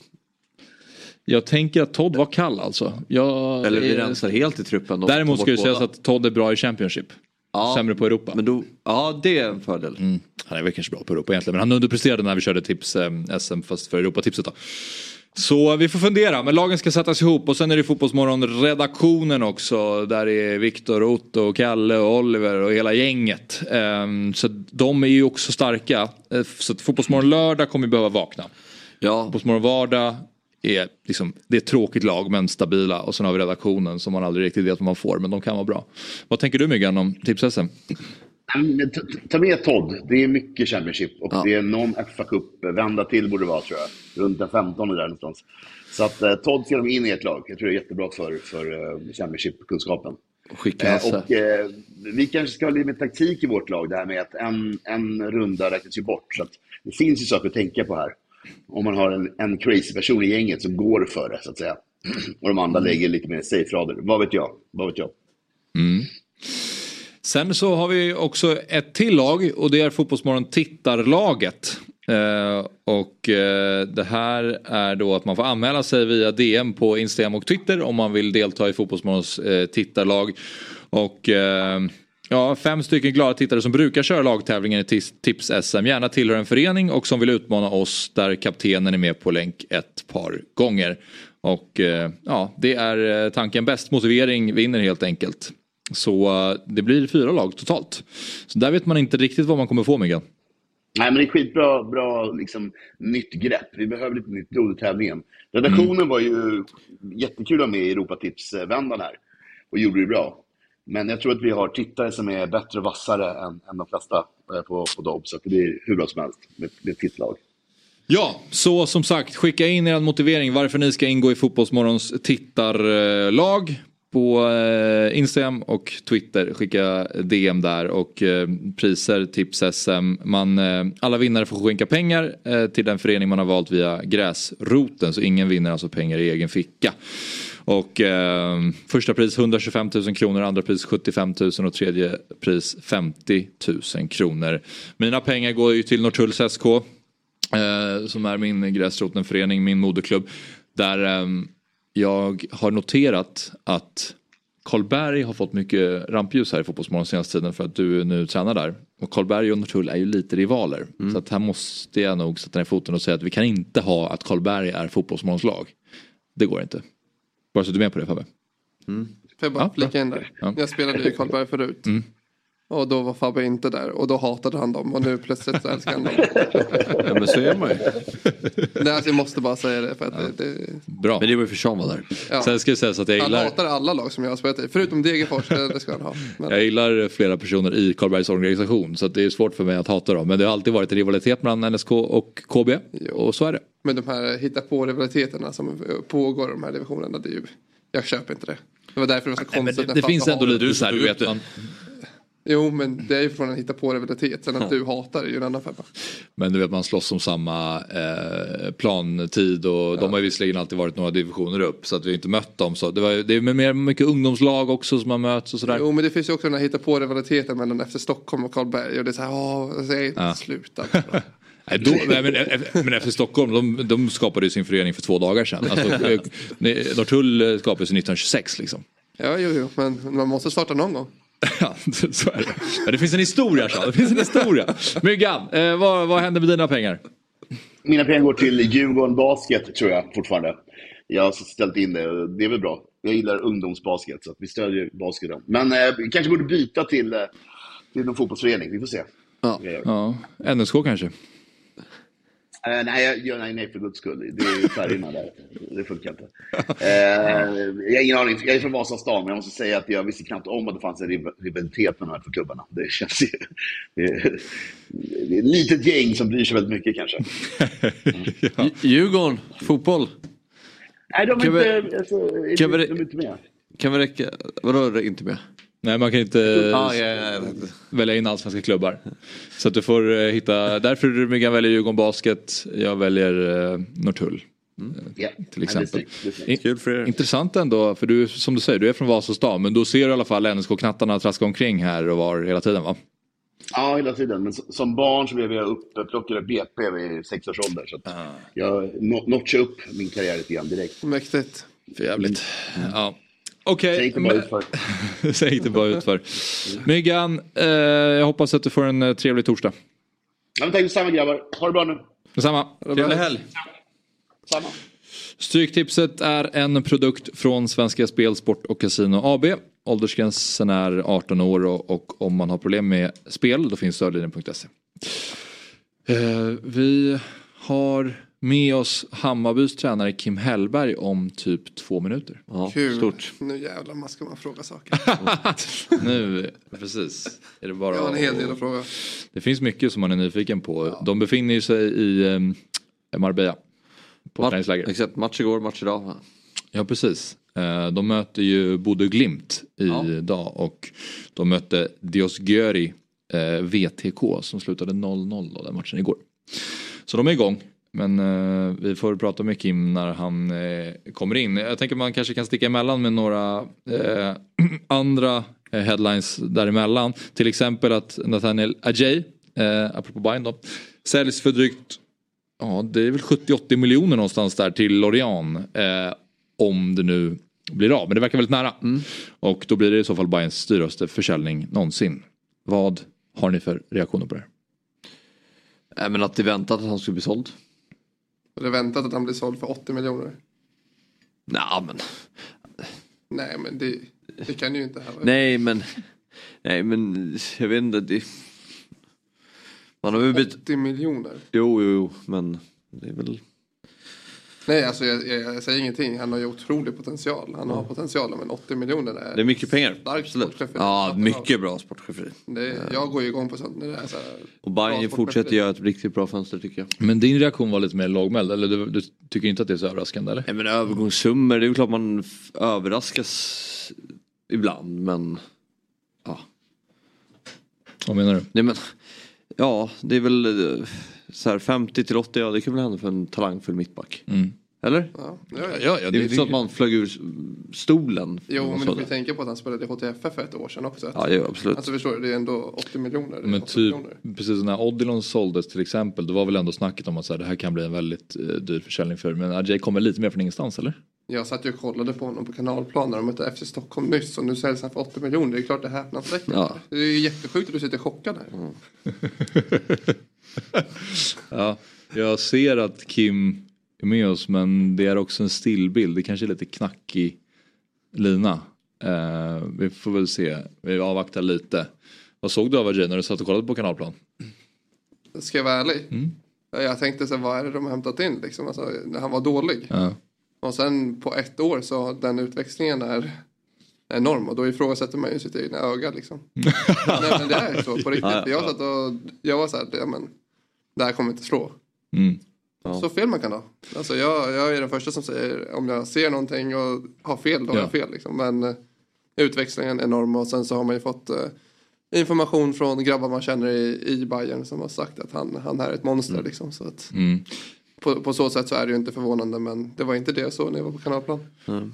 Visst tog han väl rött när han mötte er också? Eh, Degerfors alltså? Varför? Var det för förra säsongen?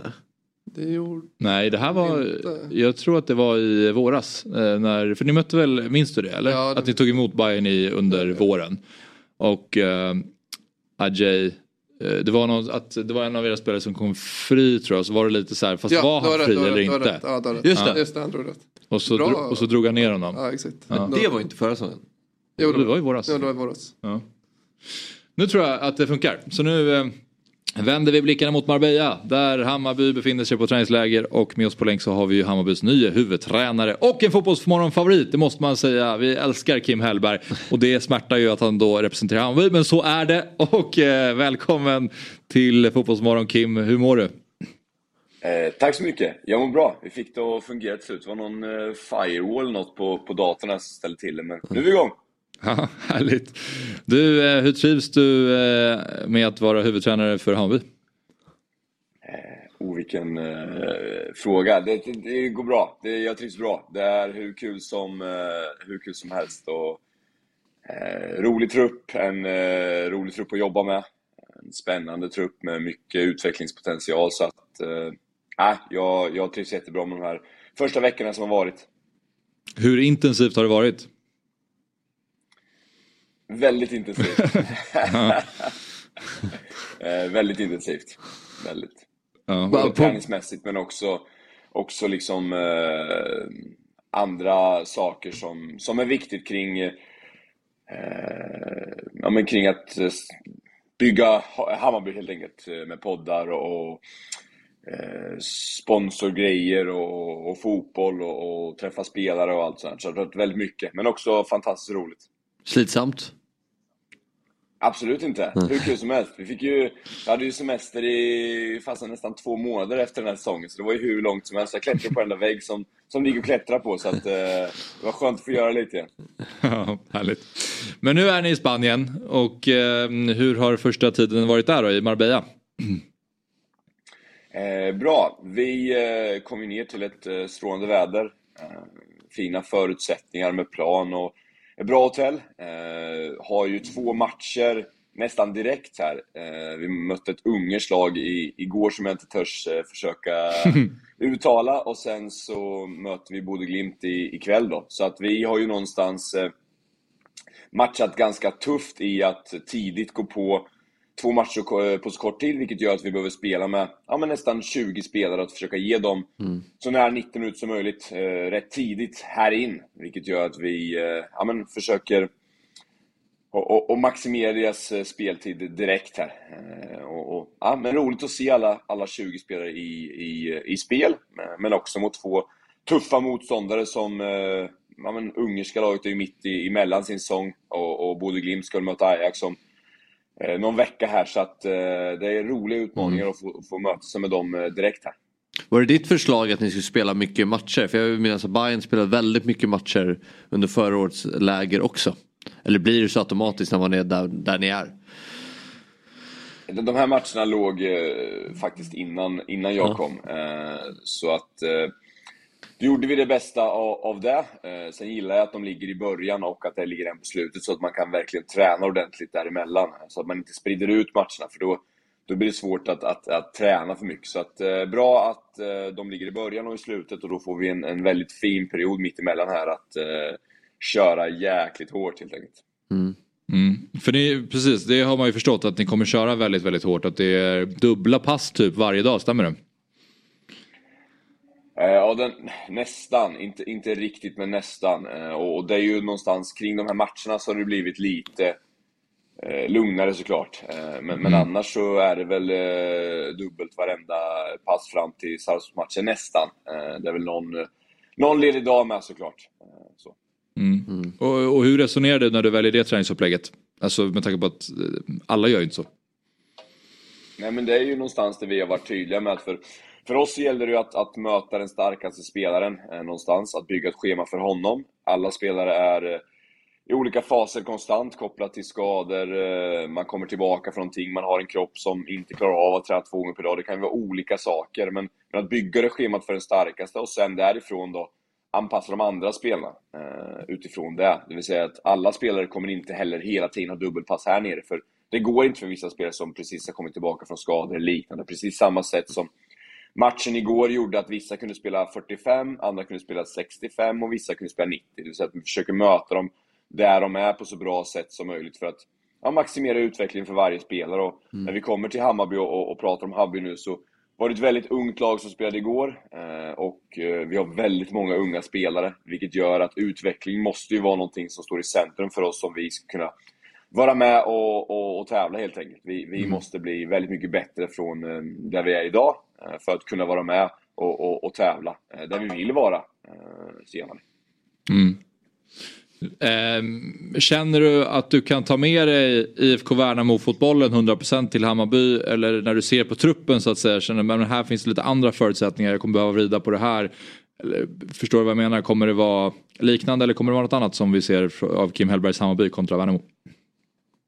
Identiteten kommer ju vara, vara, vara, liknande i form av att Hammarby också stakat ut den vägen. Det vill säga att man vill vara ett lag som, som för matcherna. Man vill vara ett lag som går upp och, och arbetar för att vinna bollen så fort som möjligt när man inte har den. Vilket vi eh, gjorde bra första halvlek i, igår. Så den mm. identiteten är ju densamma. Sen så skiljer det sig alltid mellan de spelare jag har här och de spelare man har haft tidigare i deras egenskaper. Vilket gör att man på, på olika sätt måste sätta dem i sina bästa positioner så ofta som möjligt och få göra det de är, eh, är, är så bra på så ofta som möjligt. Så det är klart att det skiljer sig mycket i sånt och, och det gjorde det ju också första året mot andra året i Värnamo också. Det vill säga att vi hade en nia första året och, och mm. år två så hade vi ingen, eh, ingen nia. Eh, det vill säga vi spelade utan nia. Så det är ju alltid en, ett jobb med att hitta de spelarna som och vad de är bäst på och så försöka sätta dem i de positionerna så ofta som möjligt. Men identiteten i att vilja föra matcher och att vara ett högt, liksom, försöka ta bollen så fort man kan, där, där, där kommer ni att, att se även här. Kan du ge någon indikation här? Är det någon som spelare som kommer flyttas till en ny position för, för supporterna som kommer vara lite så här, ja det här är överraskande? Oh, ja men det kommer det nog vara tror jag. Eh, sen så eh, måste jag ju ta det med alla spelarna först med. Så att vi får, eh, men men, eh, nej, men eh, Nahir har jag ju pratat med ganska mycket om att kunna ha en eh, position som ibland i matcherna är längre ner i plan. Det vill säga att han spelar i ett tidigt skede kanske som en en, ja men om vi nu ska göra det enkelt och kalla det en sexa liksom så eh, finns det väl möjlighet att han skulle kunna hamna längre ner i planen i vissa delar för att sen komma upp högre. Han har ju en eh, fantastisk förmåga att slå passningar som bryter linjer, att spela in bakom lag, att, eh, vilket gör att från den positionen skulle han kunna vara, vara, vara riktigt bra. Framförallt om lag då försöker vara lite aggressivare mot oss. Eh, så, så att eh, Mahir skulle absolut kunna vara en spelare som skulle kunna spela in en sexa-roll i ett tidigt skede för att sen då, mot lag som backar ner, hamna i en eh, högre roll där han har varit. Hur sköter mm. sig Abdo Buda?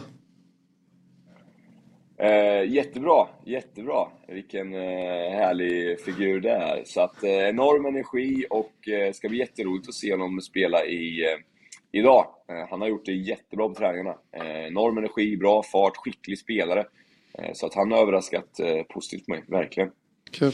Förra året så var det ju, hade Marti Cifuentes några, några stängda träningar, fick ganska mycket kritik för det. För det är ju många Hammarbyare som reser ner och vill, vill följa lägret, många supportrar på plats.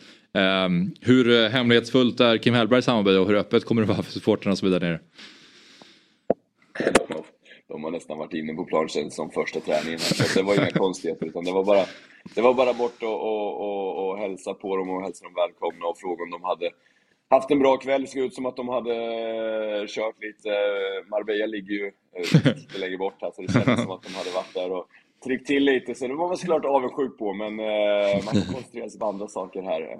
Så att, det är öppet, det är jätteöppet. De får komma och kolla alla träningar. Det finns inga, inga hemligheter sådär som, som gör att vi skulle förlora något på att andra får, får komma liksom och och vara med oss. Utan det, det, är jätteöppet. Jag tror att det är en jätteviktig del i, i, dagens fotboll att vi behöver ta tillbaka den, den öppenheten lite och ge tillbaka till, till alla de som, som följer oss helhjärtat. Liksom. Så att det, eh, det finns inte en stängd träning här nere för, för oss. Nej. Vad är Hammarbys målsättning eh, 2024? Ja, det där är ju en, en, en jättebra och, och, och, svår fråga. Jag, jag har sagt lite att Eh, Eh, alltså, jag skriver på ett treårsavtal och över de tre åren så vill jag vinna SM-guld. Det är ju någonstans liksom såklart, annars hade jag inte varit här. Så att över de tre här åren som, som jag ska vara här, minst förhoppningsvis, så vill jag vinna SM-guld. Eh, för att göra det så behöver vi, eh, precis lite det vi pratade om, nå en ganska Alltså vi behöver nå en stor utveckling på många unga spelare för att de ska bli bättre. Det behöver vi göra för att kunna nå den Eh, standarden att kunna vinna. Eh, vi behöver också skapa en träningsmiljö, lite det vi pratat om, med, med, med fler träningar, med tuffare träningar, eh, där vi verkligen utmanar spelarna för att snabbare nå den här eh, nivån vi behöver göra. Eh, för det är klart att vi har också tappat en par, ett par spelare från det lag som, som kom sjua förra året. Så det är klart att vi är medvetna om att vi behöver göra väldigt mycket för att ta steg för att bli bättre Eh, och, och där jobbar vi stenhårt varje dag för att bli. Och då så eh, tror jag och hoppas att, att det här kommer att leda till ett SM-guld minst över de här eh, tre åren. Det är väl någonstans en, liksom en helhetsbild av, av, av en längre period. Eh, så. Du nämner det här med att pusha spelarna och dubbelpassa under försäsongsläget. Kommer det följa med sen in på säsongen och under den allsvenska säsongen att det kommer bli fler träningar? Absolut. Det, vi, det schema vi har nu är ju inget schema som kommer förändras sen utan Nej. det kommer rulla på på ungefär samma sätt. Sen så är det klart att igen så blir det en anpassning under säsongens gång där vissa spelare som spelar varenda minut, varenda match kanske inte kan göra varenda dubbelpass så. Utan det är ju en, igen en, en, en skapat schema för att möta alla. Så att de som är utanför laget, eller som är nära laget, eller som spelar varannan match, eller som också faktiskt kan spela varje match och ändå träna så mycket, får möjlighet att göra det. Så att schemat som ligger nu är någonting som, som kommer rulla vidare egentligen. Och, och för oss handlar det om att spela väldigt mycket fotboll. Väldigt mycket fotboll. Att eh, bryta ut mycket saker i träning för att jobba med deras bästa egenskaper. Eh, men också liksom, verkligen spela mycket fotboll och, och lägga all kraft på plan helt enkelt. Får jag flika in där lite bara? Jag har två, jag har två tankar där. Eh, ett, vad, vad tar du inspiration ifrån? För jag menar, kollar vi på andra lag i Sverige, eh, bara om du kollar på rivalen Djurgården så är det väldigt mycket fys. Men jag har ju hört från spelare och ser att det är väldigt mycket fotboll på dubbla passen. Eh, och jag själv har ju, när man har haft dubbelpass är det oftast fys och sen fotboll. Men ni kör ju fotboll, fotboll. Eh, var tar du inspiration ifrån och vad, hur resonerar du där? Bra fråga. Inspiration kommer väl någonstans från ett eget, eh, alltså under tiden som assisterande tränare, en egen liksom någonstans kraft och vilja till att vi borde kunna göra mer. Vi borde kunna eh, också få, få möjlighet att, att verkligen spela fotboll och med tanke på hur liksom, med de här dagarna och hur vi ändå har förutsättningsmässigt så kan man ha ett pass på morgonen och man kan sen vara ledig, man kan sen få mat och man kan sen komma tillbaka och träna fotboll igen. Så att från början kommer det från, en, från någonstans en egen känning att fastän vi skulle kunna spela mer fotboll och någonstans så tror jag på att den bästa styrketräningen det är att, spela fotboll. Den bästa taktiska träningen ja, det är att spela fotboll. Och kan vi då kombinera saker utanför, det vill säga video, eh, sådana saker med att spela fotboll så, så växte väl någonstans tanken fram att ja, men, här vill jag verkligen utmana spelarna när jag själv får chansen att styra mitt schema helt enkelt. Så att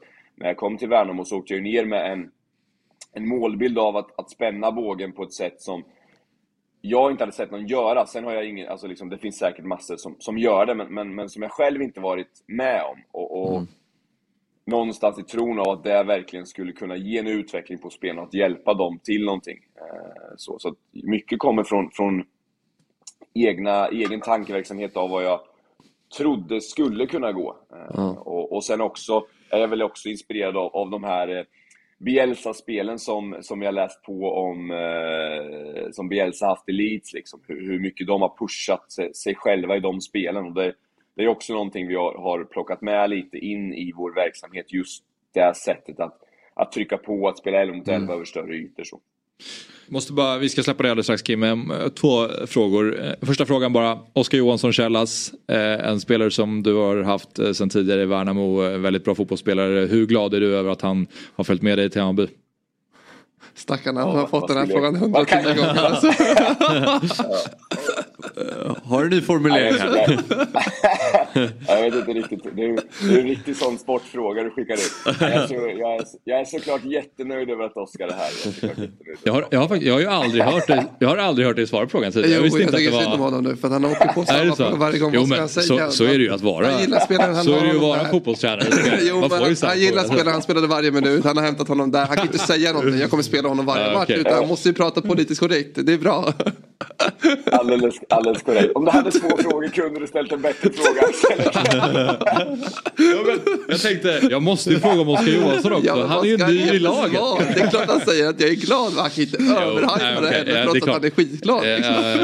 Eh, kanske, frågan var egentligen faktiskt inte hur glad du är. Frågan som står i förkommet är, Ny chans. frågan är hur ska du då få liknande eller mer effekt av hans kvaliteter i Hammarby? Han spelar ju med bättre spelare. Han spelar, men han spelar med bättre Jag lär spelare mig mycket under avsnittet. Ja, det gör det bra. nej men, nej, men eh, någonstans att, att hjälper ju Oskar alla andra spelare att också att vara en, Alltså han har ju någonstans haft en bild av vad jag vill göra, vilket gör att han kan också hjälpa de andra spelarna lite snabbare. Jag märker redan att, att han pratar med väldigt många spelare. Han är en sån person och människa som alltid pratar fotboll. Och det är också någonstans viktigt att få in i gruppen att vi pratar fotboll i termer av att hur vill ni spela? Eh, det finns väldigt många fotbollsgrupper som pratar fotboll, men det kanske blir mer utifrån ett eget perspektiv eller olika saker eller vilket skott jag gjorde. Utan vi vill ju skapa en grupp där de också utmanar sig själva taktiskt i gruppen hela tiden, även när vi är utanför träningen. Och där är Oskar fantastiskt bra. Eh, och han har tillsammans med de andra redan skapat en, en, en härlig fotbollsmiljö där man märker att de verkligen pratar taktiska saker. Och sen kopplat till att eh, komma hit, kan spela på många positioner, men är ju som bäst centralt i banan. Eh, och, och, och, få göra det han gjorde. Eh, men såklart med, med eh, ja, med bra spelare runt omkring i en, en, en miljö där vi tränar hårt så tror jag att han kan ta ytterligare steg och, och det ser jag Mm. fram emot att få se. Mm. Hur, hur föder man den kulturen där alla spelare, men, du, du frågade om Oskar Johansson. och- Jo. Men jag, det, det var jävligt intressant Vi måste gå vidare, Jag vet, Kim måste men, gå vidare. Jag vet men eh, just hur man får spelarna att vara delaktiga i, i en process. Att så här, ja, men du pratar om att de ska vara delaktiga i det taktiska. Och så här. Hur får man spelarna att öppna sig och prata om det där eh, dagligen? För att utveckla spelet. Ja, men det, ja, ja, ja, och det är ju att involvera eh, många, att eh, skapa en miljö där vi tränar mycket fotboll, där de tycker att det är roligt att gå till jobbet. Att bjuda på sig själv som, som tränare för att sk- försöka skapa en varm och, och liksom glad miljö eh, för att ta den energin in på fotbollsplan. Men vi också måste ju liksom träna på fotboll som spelare tycker är roligt och lustfullt och gör att de blir intresserade av de taktiska sakerna. Vi behöver skapa en, en, en, eh, en teoridel som då spelarna känner att oh, wow, det här är intressant för det hjälper mig att bli bättre fotbollsspelare och Mm. på så sätt någonstans föda ett ännu större intresse för att också sitta och se på teorin. Att finna ett intresse av att ha den och också jobba individuellt med dem, att prata individuellt kring situationer, att försöka diskutera med de enskilda spelarna. Så att någonstans bygga ett intresse hos spelarna för att de tar Alltså de tycker att det är roligt och, och det är ju lättare sagt än gjort såklart. Så att det handlar Ja. om att bygga en, en kultur och en miljö hela tiden där de känner sig involverade. Men också att de tycker att det här är någonting som hjälper mig att bli bättre. Sista frågan nu då Kim, så får du eh, såga den om du tycker den är svag. Eh, handlar om Oskar Johansson Källas. men men eh, den, eh, jag tänker så här, Ajay på väg bort, kommer säljas för rekordsumma, lutar emot. Eh, förutsatt att då, då finns det plötsligt pengar att jobba med, pengar att spendera. Det finns förutsättningar att plocka in spelare till Hammarby. När du går till Mikael Hjelmberg då, eh, vad säger du att eh, den här spelartypen vill jag få in? Oh.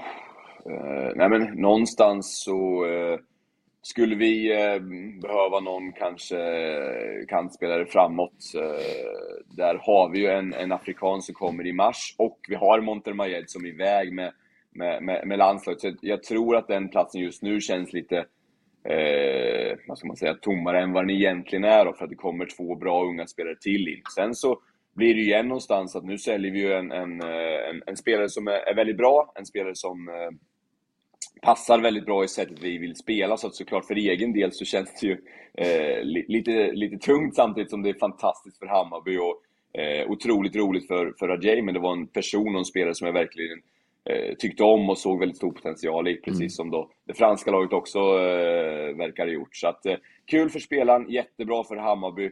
Eh, lite tråkigt för, för, för mig såklart. Men, men eh, ja, vi, vi får se vad som, vad som händer där. Och det är ju mycket eh, Adrian och, och, och Mickes bord där. Men det är klart att jag hoppas att eh, någonting till kanske ska, ska komma in. Men vi, vi får se helt enkelt. Och, och just nu har jag en fantastiskt härlig trupp att jobba med. Eh, med, med. Som vi såg igår, väldigt många unga spelare som är beredda att göra allt de kan för att bli så bra som möjligt. Och, eh, är det så att det inte blir några fler spelare in, då kommer vi göra allt vi kan för, för, för den truppen att, eh, jag menar, att fortsätta ta de här stegen. Så att, eh, ja, jag är jättenöjd med, med spelarnas energi, intensitet.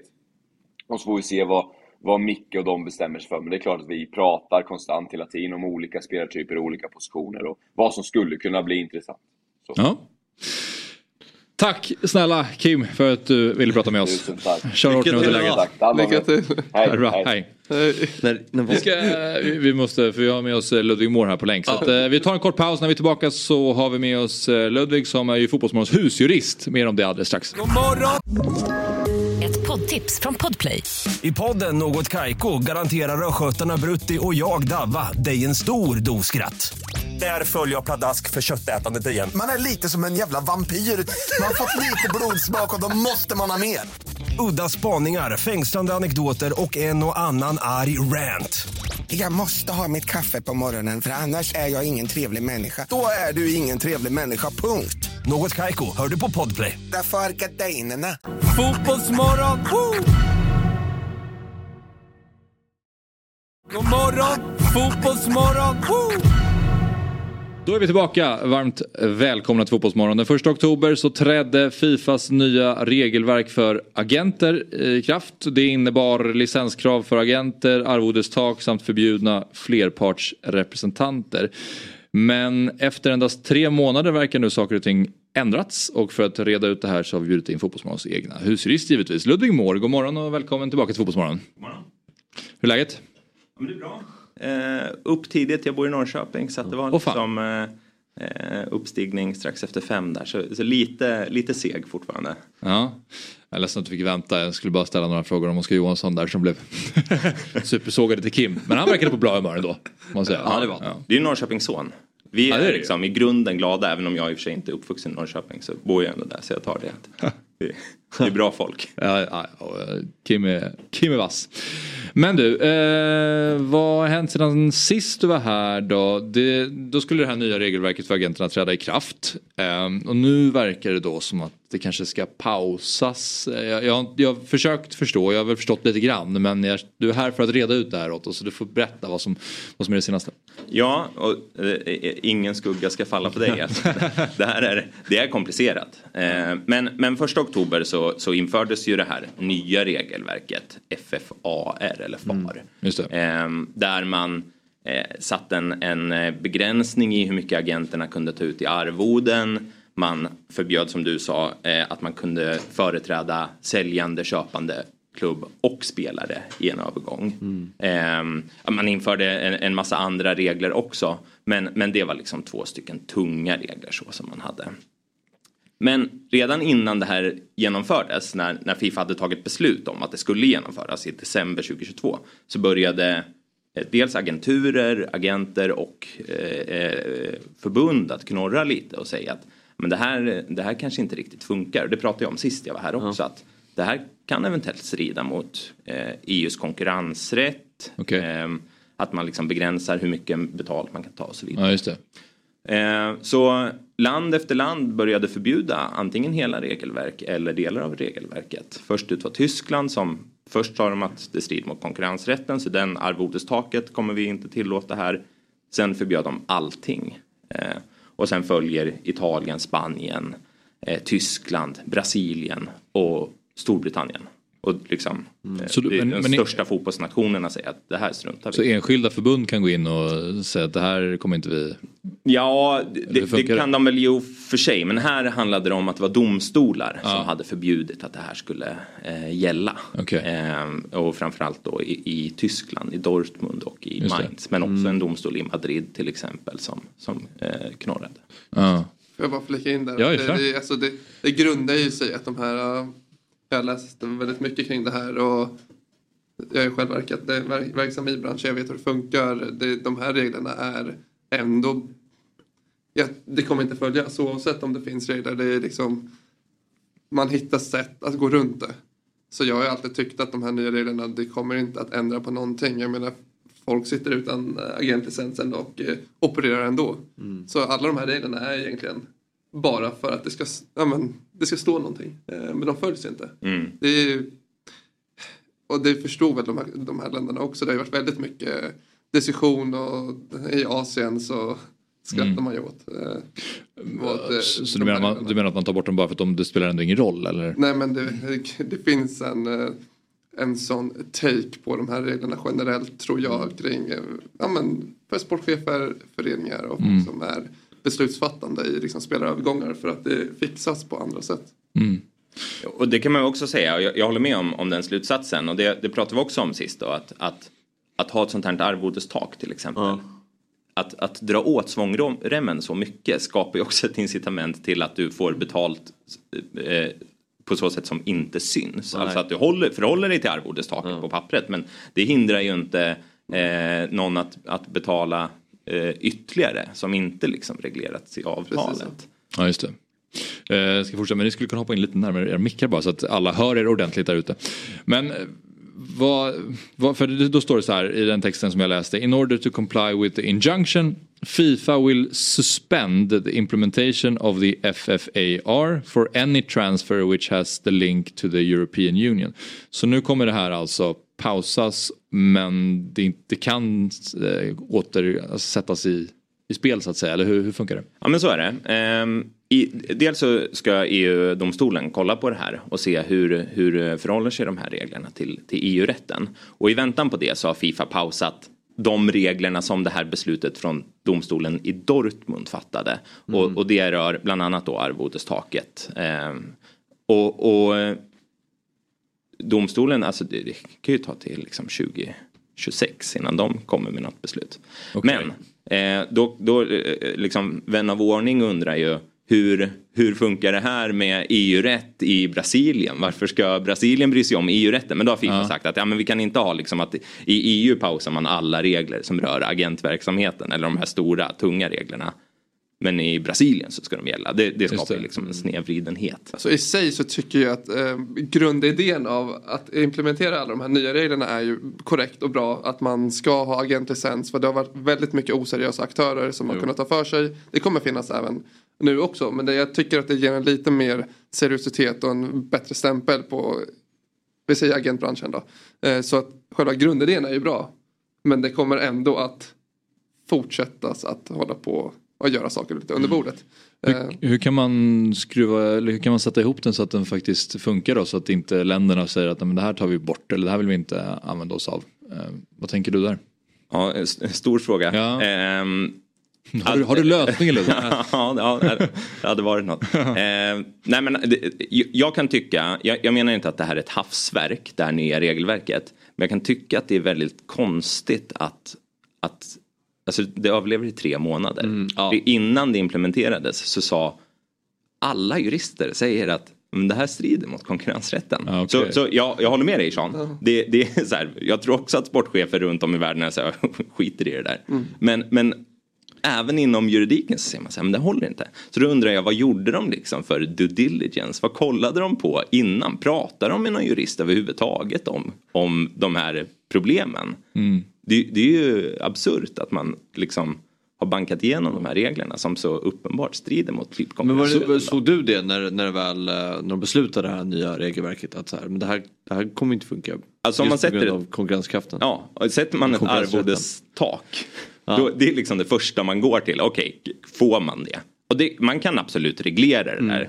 Men, men eh, de måste ha funderat över det mycket, mycket mer. Och att det då faller eh, så snabbt, det kan man ju verkligen ifrågasätta. Det ska sägas lite då till Fifas försvar i det här. CAS avgjorde eh, en sån här fråga. Där de konstaterade att det här strider inte mot konkurrensrätten. Det är liksom inom rimlighetens gränser att man har eh, en, ett arvodestak. Men de, liksom, man måste ju ändå ha med sig då att CAS är en skiljenämnd som eh, är beroende av donationer, stor donator, Fifa. Jag menar inte att de som jobbar på CAS liksom är korrupta eller, eller så va. Men, men, men indikerar. det, det, det är...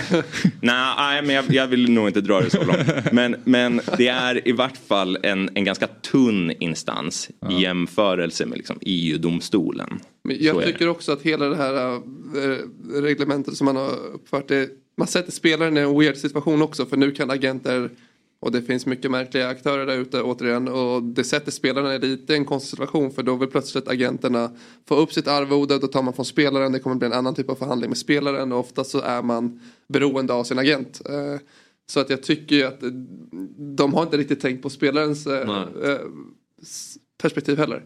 Nej, och en, en eh, dyster sak i att det här eh, upphävs nu. Det är ju att en sån sak som, som försvinner. Det är ju att man eh, inte bara får företräda en spelare. Nu kan en agent återigen företräda säljande, köpande klubb och spelare.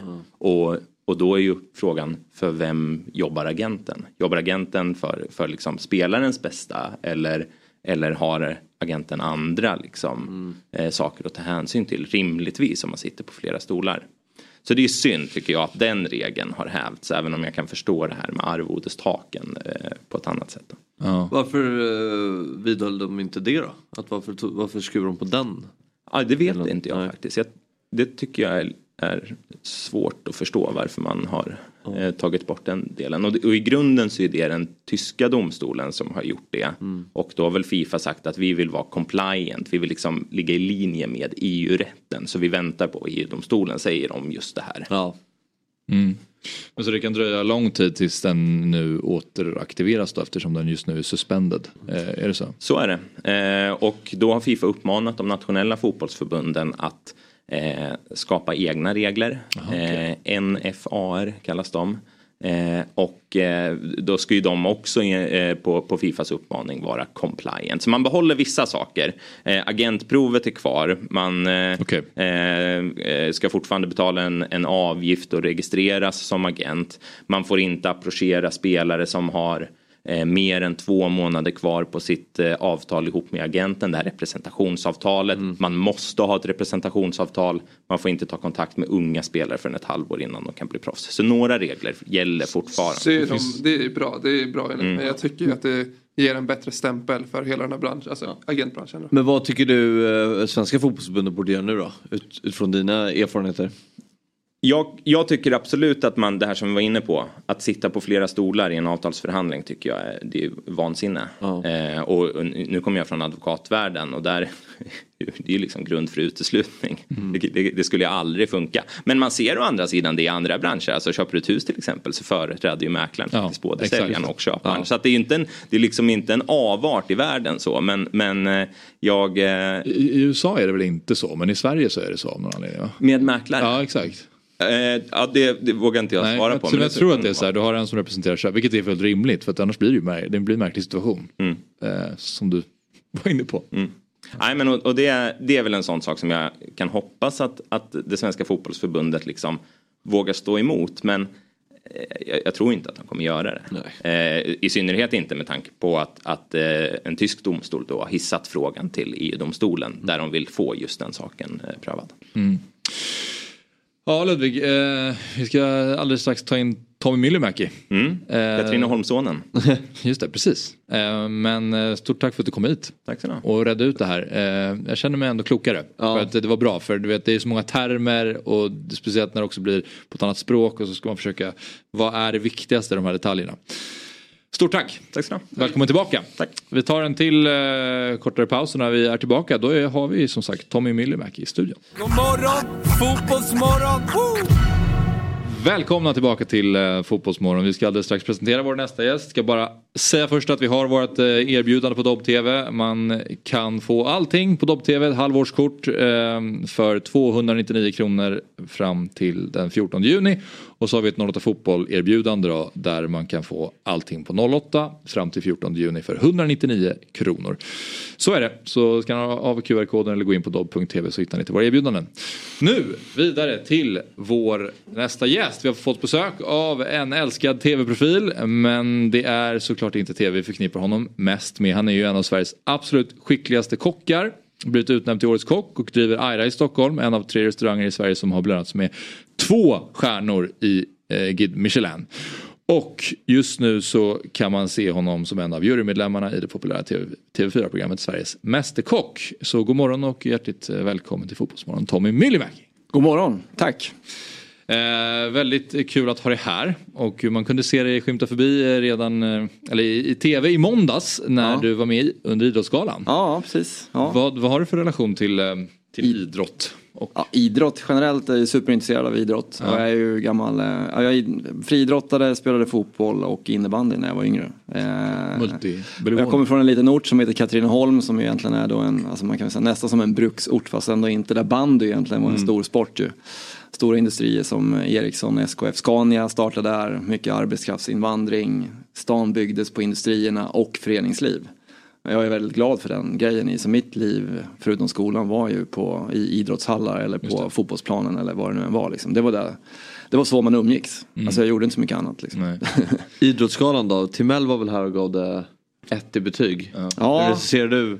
Ja men Anders och jag vi känner varandra lite så här. Men, men han, han har ju varit där tidigare. Och jag har, inte, jag har ju varit på många så här galor och haft möjlighet att göra det. Både jobba och sen vara som gäst och så vidare. Jag tyckte ändå att det var väldigt trevligt. Jag, jag gillar eh, stämningen. Det, det blir ändå eh, Även fast det finns många stjärnor där som är stora så är de också ganska härliga människor och, och medmänskliga på ett fint sätt. Liksom det blir liksom en, en, jag tycker ändå att stämningen var väldigt trevlig i den grejen. Sen kan man alltid ha åsikter kring galor i att det tar lite för lång tid och så vidare. Men man får respekt för liksom, eh, tv-produktioner och annat sånt som gör att det blir som det blir. Eh, men om inte det skulle finnas så skulle inte galan finnas överhuvudtaget och då kan man ju välja, ska den finnas eller inte? Det är väl mer det där. Gillade du bengalbränningen? Vad sa du? Gillade du bengalbränningen? Var var det någonstans? Um, Det var Thomas Stenström va? Ja. Inne på Idrottsgalan. Ja, ja precis. Ja, ja, men, ja, men precis. Ja, men, ja, ja, jag tänkte vad var det där för något? Han var i slutet. Nej, ja, men det var väl okej. Ja. Vad hade du för folk vid bordet då? Ja, men jag hade bara massa journalister. Eh, så jag hade um, eh, Tommy Åström, Karin Ja. Frick, eh, Lasse Granqvist, Johanna Ojala, eh, Frida Nordstrand. Ja, precis. Fint bord. Ja. Men eh, okej, så du har på många olika idrotter i din uppväxt då, Ja. men var, vad höll du på med längst? Var det fotboll som var när, låg Fotboll var det som var, precis, det slutade jag med eh, när jag var 19-20. 20 var jag nog. Ja, slutade. Ja. Och Det var, ja det var den grejen. Ja, Men vi var ett, Värmboll hette min förening som var, var, ska jag säga. Jag tror inte de är där längre men var en väldigt så här, eh, bra ungdomsförening. Det var en väldigt bred verksamhet. Man satsade på ungdomsverksamheter. Eh, typ Goti eller någonting. Jag känner, jag känner absolut igen. Ja, eh, och det är några, det har blivit några, någon allsvensk spelare. Mattias Graven var en som var med som spelade i eh, Ljungskile när de, när de var uppe. Vet jag, I Norrköping var han med en sväng. Och, ja, lite olika som, har, som har varit med där. Och vi, vi var ett ganska bra gäng 78 där vi, där vi tränade hårt och vi lyckades ändå vara med i både pojk och juniorsvenskan. I så här, och det var ju flera andra lag som var innan. Så det fanns en kultur liksom i att träna ganska mycket. Mm. Och då blir man oftast bra. Ja. Hur bra var du då? Ja, Jag var ingen bra, alltså jag var egentligen en, en ganska dålig bollspelare sådär egentligen. Men hade ganska bra pannben. Så Ja. att från att, jag brukar säga det, har också, det lär en hel del liksom i, i, i det här. Och idrott är väldigt bra liksom livs, eh, lära någonstans i att allting kommer inte gratis utan där du puttar in får du också tillbaka. Det gäller det mesta man gör. Liksom i att tränar du hårt så kommer det ge resultat. Och jag var en sån som spelade liksom i vårt B-lag när jag var typ 11-12 år. Till att bli lagkapten när jag var 14. Så på två år så växte jag färdigt och sen så jag gav mig fan på att träna varje pass plus att träna extra. Eh, I det här och blev liksom en fysisk maskin mer eller mindre. Eh, och därigenom så tog en plats. Liksom. Okej, ja. Och var väl mer en mer spelförstörande och kanske ganska bra högerfot ändå liksom med passningskänsla. Liksom. Ytterback? Absolut. Jag spelade, började faktiskt som ytterback men blev sen mer libero och släpande mittfältare till att bli forward för jag var ganska löpstark. Liksom. Så att ja, ytterbre, ytterbre, ytterbreddare också så. Ja. För löpstark har vi förstått att du är. Ja, nej, men löpningen den har ju hängt med sen dess. Men det var väl liksom en av de styrkorna i att gav man sig fan på att träna så har man ju bättre fysik. Så sista kvarten så blev det ju klassiska Tidaholmsgrejerna. som man kunde springa ifrån liksom. eh, men, men, eh, nej, men det var väl min styrka, absolut. Alltså träningsprodukt. Och där ser jag, det, det är väl också en sån här grej som, jag, som man har med sig i livet också. Som man försöker peppa andra ungdomar. Att man, man blir kanske inte bäst över en dag utan det kan hända mycket på vägen bara med sig fan på det. Liksom. Jag tycker det finns lite för lite att bita ihop nu för tiden. Det kan man ju säga att du har gjort i din fotbolls... Ja men det lät ju som att han förklarade min karriär. där. Han var bänkad och sen så lyckas man träna extra väldigt mycket. Och Ja. ta, Jag vet inte så. hur bra koll du har på Sean, men eh, lirat i Västerås i Degerfors nu senast i Thailand. Okej, ja. Och nu är klubblös. Klubblös, okej. ja, ja. Nu gnuggar. Nu gnuggar vi på. Ja. Ja men det gäller, det är ju det. Ja, jag tror det. Framförallt när man är ung. Så det händer så mycket där i den grejen. Och det är ju mycket av de här elitsatsningarna och så vidare. Jag har ganska mycket åsikter kring, kring det där. Att man, det är väl bra att man elitsatsar och man kör det där. Men ge alla andra chansen också. Liksom. Jag vet inte hur tidigt man ska dela upp den här grejen. Men alltså, man, måste få, man måste få barn att förstå att det blir när man ger sig hän någonting så blir det oftast lite roligare. Det kanske är lite jobbigt en stund men sen blir det också mycket roligare när man har lärt sig. Mm. Och den där grejen är lite svår, att det ska vara lekfullt men när man lär sig så blir saker, men det blir lättare och då blir det roligare. Och så blir det roligare, det blir liksom roligare för alla. Om alla ger sig hän. Jag tycker det är en så himla svår fråga. För det är, alltså med just det här selektering som är så hett. Ja. Det, är, men så här, det, det är aldrig kul. Du är ju ungdomstränare just nu. en, Ja nu är det lite äldre. Men, eh, men att så här, det är aldrig kul om man ska ta en åttaåringar. Att den bästa ska spela med den sämsta. Alltså det, då kommer ju båda bli lidande på något sätt. Mm. Nu är det taskigt att säga att det är åtta gånger att någon är sämst och någon är bäst. Men alltså om man, om man tänker ett lag. Ja, men om man Den är ju lite. svår där för det går inte att säga att en åttaåring någon kommer bli bättre. För att man måste fortsätta, trä- alla måste ha hittat den där motivationen. Jag har inget svar på hur man ska göra den grejen. Nej. Men jag, men jag tycker att någonstans i, ja, mina barn tränar också liksom i den där grejen. Och det, man ser ju när en grupp där alla, alla vill vara där och alla vill träna. Då blir det väldigt bra. Precis. Och det är dit Ja. man måste komma någonstans med idrotten. Att alla vill vara där och alla Ja. tycker det är kul att vara där. Och alla vill ge sig hän. Då blir det bra. Mm. Ja verkligen. Men eh, du springer väldigt mycket just nu eller? Ja men jag springer en hel del. Nu har jag börjat springa. Jag var ute och sprungit nu på morgonen faktiskt. Ja, Ja, okej. 12 Ja. kilometer. Vad skönt. Ja. Vad springer du 12 kilometer på? Ja men idag Ja, men, som en dag som idag. Liksom. Ja men idag sprang jag i 4.45 fart. Eh, så, så det är inte så, det är morgonjogg. Sen pratade Okej. med en kompis. Ja. Ja. 4.45 fart eh, pratar med en kompis tempo för dig. Ja men det är prat, det är prat, prattempo. Ja, absolut. Ja. Vad är ditt eh, inte prata med kompis tempo ja men då kanske man springer vid 4.10. Alltså 4. Alltså så. Det, det, det är snabbt. Ja absolut, ja, men det är väl okej. Men jag har tränat mycket. Så att det, det blir... Att Ja. träning ger. Ja, den ska du ha. Verkligen.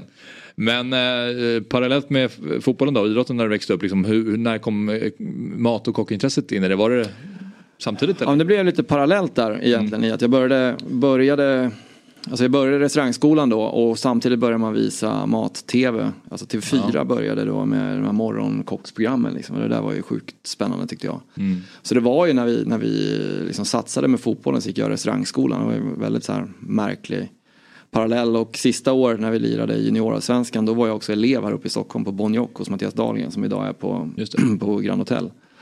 Eh, men där bestämde jag mig någonstans i att ja, men ska jag ge mig hän eh, matlagningen då måste jag liksom satsa på det. Då får fotbollen gå åt sidan och Värnbo var så division 3-gäng och det fanns liksom inga, jag kände inte att det var mitt kall längre liksom, på det sättet. Det var kul med juniorgrejer men det, men det var liksom inte där jag ville vara. Nej.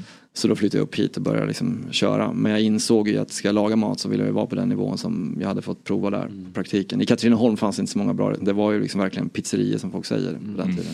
Men det var ändå ett stort matintresse från att du var kanske när du var liten. Mm, 11-12 år. Ja. Och sen det där hängde ju med också. I, jag, jag var ganska intresserad också av liksom näringslära, alltså bra mat för att träna. Alltså så vi fick lite sån utbildning och jag tyckte det var ganska intressant också liksom, att äta rätt. Liksom. Mm. Är, men eh, hur ser relationen ut till fotboll idag då? Ja men idag så, jag följer på tv. Eh, Jag är eh, en Liverpool-fan. Gick bra igår, ligacupen. Ändå 1-1 men eh, vidare. Och sen eh, håller jag på Malmö FF vilket är då en, en märke. Alla bara varför då? Alltså Ja. medgångssupporter eller inte. Men eh, Liverpool går ju bra också nu men jag gjorde inte det under 20 år. Nej, det gjorde inte. Eh, men, nej, men Malmö blev, vi var så här gängserie när man var yngre och då delades vi in i lag i laget, liksom i årskullen i, i Värnboll. Och då var vi i Malmö FF och vann. Och då var Malmö en storhetsperiod med Mats Magnusson och Lasse Larsson och massa andra så här. Och då, eh, ja, då fastnade man i det när man var sex år. Ja, men jag håller på Malmö FF, sen är jag häng kvar. Ah, okay. Mm. Ja. vi har faktiskt inte pratat så mycket om Liverpool-matchen. Men nu är det final i alla fall. I, Ja, i mot Chelsea. Ja. precis, Ja. om en månad ungefär. Precis. Är de kvar i FA-cupen? Ja. Tar de alla, alla då? Champions League, Premier League? Champions League tar de inte. Nej, tar de inte. De är inte med i Champions De är inte med i Champions Nej, det gick dåligt förra året. Men trippen då? Och Europa League. Europa League, ja. Europa League, ja, det. ja, där är de kvar. Parentes. Ja, men så att det är intresse, absolut, fotboll. Eh, och sen varierar det hur mycket jag hinner kolla, men jag försöker kolla de flesta Liverpool-matcher i alla fall. Eh, är väl liksom det som är, är grejen. Kul. Men eh, vi planerade här att vi skulle så här, Sean som har varit, eh, spelat på elitnivå i både Sverige och Thailand då, har ju eh, kommit i kontakt med lite olika matkulturer.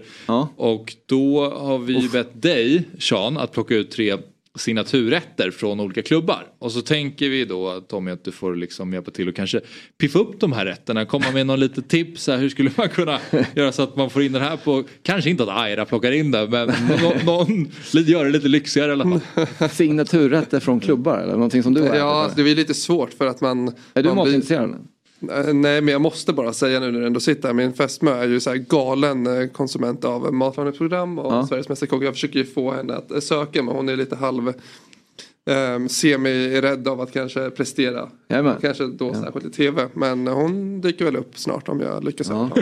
Ehm, Så jag måste ändå bara säga det så att hon blir glad när hon ser det här.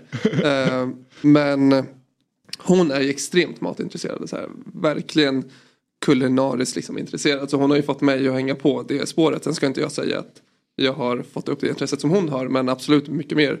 Sen så hade jag också en, vikt, eh, en viktresa som Fabbe kan intyga. Liksom jag var överviktig för att spela fotboll och satsa på min fotboll.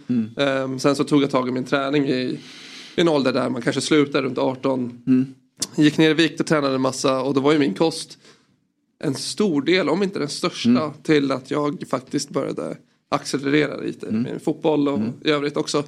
Ehm, så att jag har ju en bra relation till mat för att jag vet vad det, vad det gör med en. Mm. Och eh, jag är ju själv legitimerad fysioterapeut i grunden så jag vet ju också kostens betydelse. Ja. Så jag får väldigt mycket människor som säger men Sean, hur ska jag göra för att ta nästa steg? Men då märker jag att kosten hos många fotbollsspelare inte är på topp. Man har inte kunskap, man har inte, ja, men man har inte koll helt enkelt. Ehm, och där finns det faktiskt en, en lucka i Sveriges föreningar liksom, där att fylla. Eh, För Mm. jag tycker inte man tar den här frågan på, s- på s- liksom. Intressant. Vi fick ändå när vi spelade i Pokersvenskan så kom det en dit och föreläste tre Mm. gånger som vi var tvungna att sitta med. Det här ska Mm. du äta till frukost och tänk på de här kolhydraterna, det här proteinet. på det här Det, får man ju oftast. Men du vet, Ja. man sitter där och man är oftast eh, lite ointresserad och sitter Ja. man där och bara kan det här ta slut? Eh, så man lyssnar ju inte riktigt in. Så att när man Nej. väl får intresse och förstår vad faktiskt kosten kan göra. eh, Då får man ett eh, sving, tycker jag ändå. Men vi kan ju komma tillbaks till rätterna. Ja, Eller ja men en, något? bra liksom, Ja. förklaring här kring det. Ja, så att, eh, men, men till att börja med bara, jag måste bara följdfråga Men- på dig då. Vad- men för att fråga så här. Eller, nu jäklar. Ja, men jag har en fråga här. Jag Du ska spelar, du prata. spelar ändå på en nivå liksom. Tycker du att fotbollsspelare tränar tillräckligt mycket? Nej. Nej, Nej. inte jag heller. Nej, och eh, det, jag, är för dåligt. Nu, jag vill inte raljera kring eh, hur eh, upplägget har blivit idag med svensk fotboll och allting. Men det finns ju en, tyvärr, en ny kultur där liksom man periodiserar, man ska tänka på det ena och det andra och det råkar man applicera på unga eh, spelare. för jävligt och det tycker jag är jävligt liksom. Så på din fråga, man tränar för lite. Ja. Ehm, Jag känner ju till exempel Andreas Almgren eh, som är en- Löpare, ja. ja men precis löpare. Han har ju alltid tränat så sjukt mycket men också tränat smart. Det är inte bara att han har tränat mycket men han är där han är idag på grund av att han har tränat Mm. mycket och det kan man säga om väldigt många fotbollsspelare som lyckas också. Man måste träna mycket. Ja. Ehm, Det finns ett, ja. Men det är- hard en work pays off. Ja men det är ju så. det är en, Ja. liksom en klyscha men det är en korrelation i att man också kan lyckas. Jag tror inte att det är någon fotbollsspelare som kan säga men jag, jag har chillat i tre, fyra år och lyckats. Det är inte så. Maradona kanske. Kanske. Men jag tänkte på det Kim sa om dubbelpass. Hur, hur många dubbelpass har ni i Degerfors?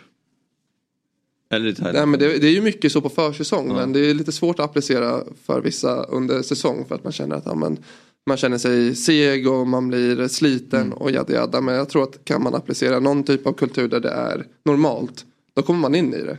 Och då blir det inte skadligt för eventuella matcher för det är ändå matcher som man ska vara fräsch på. Eh, Men ja. ska- vi... Ja, men maträtter. Ja, Ja, exakt. Ja. Eh, Ja, det finns mycket intressant. Ja, det, ja. men just den här grejen, är, man ser idag världsfotbollen är ju så snabb. alltså exakt. alla, Mm. Du måste vara fysiskt stark för att liksom klara av det, man måste vara snabb. Och, och det är slut med så här tunga mittbackar som är långa Mm. som inte har ett snabbt steg. Det går inte, liksom. du är bortspelad direkt. Det ser man ju, det är, det är ju game over liksom. Och det där borde ju vara en signal till alla liksom, i att jobba med, snabb med bollen, du måste vara snabb, lätt, liksom, det går fort nu liksom. Ja, men jag tror det är ju som alla kan inte vinna OS-guld i 100 meter. Det är, det är någon form av genetik du måste ha. Sen är det Ja. du ska träna lite. Men jag tror fotbollen är på väg dit också. Alltså, alla kommer inte kunna bli fotbollsproffs inom om tio år. Utan det, det krävs en jävla Nej, men man måste ju vara superatlet på Ja, 30 men idag dagar är- ja, kontra exakt. 10 Men år farten är ju helt sjuk alltså. Ja. ju, när man ser det live i de högsta ligorna liksom, då undrar man ju hur det är möjligt. Liksom. Det jag tycker kring kost och mat och så. Jag tycker att, säga vad man vill om sociala mediers tillgänglighet. Men det har faktiskt eh, påverkat spelare på ett bra sätt i form av att man ser eh, Haaland äta rätt. Man ser de här unga spelarna Ja. som lyckas tidigt. Vad de gör med kosten och då har det blivit en, en form av effekt av att folk faktiskt börjar tänka efter i yngre ålder. Trots att man gör de här semi-insatserna, att man pratar lite kost och sådär. Men man gör inte det riktigt 100 procent. 100 procent. Eh, Så att det har ju blivit bättre. Men kollar jag på din fråga nu som vi har. eh, Ja men vi har ju, de, vi har ju på. Ja. Degerfors, Västerås och eh, din thailändska klubb då, som du får Mm. berätta hur- vad namnet på. Bra där. Nej men så här, det är ju lite, lite missvisande fast ändå en sanning i det. Ja. Ehm, I Västerås, vi kan ju börja där för det var ju där jag egentligen inledde min professionella fotbollskarriär. Och då det är inte helt hundra att man får mat efter träningarna i Nej. mindre föreningar för det är en ekonomi och en kostnadsfråga. Mm. Eh, väljer man att investera i det oftast inte för att man väljer att prioritera andra saker. Precis. Eh, så att Oftast var det så här, men det är husman, man kanske får en matlåda, man har någon, något med samarbete med någon restaurang ja. i närheten. Men det finns ingen idé kring vad det är man stoppar absolut i sig? Ingen Nej. Absolut ingen idé, det finns inte någon kontroll egentligen överhuvudtaget. Um, så att i Västerås så kan vi stryka det. Vi... Ja, det står i mitt körschema här, jag fick inte mat och så till Tommy då, Gurkstaden, vad kan man göra på, en gur på gurka? det vill säga tro, trollan. trollan ja, men det jobbiga med gurka det är liksom inte det är ju liksom är 98 procent vatten liksom. Så det är, det är inte så mycket näringsvärde i det där. Det är mer en utfyllnadsgrej, liksom en konsistens och en smak. Ja, eh, I sig själv, tyvärr. Ja. Men eh, i, eh, i Degerfors då, då var det Flygande Jakob.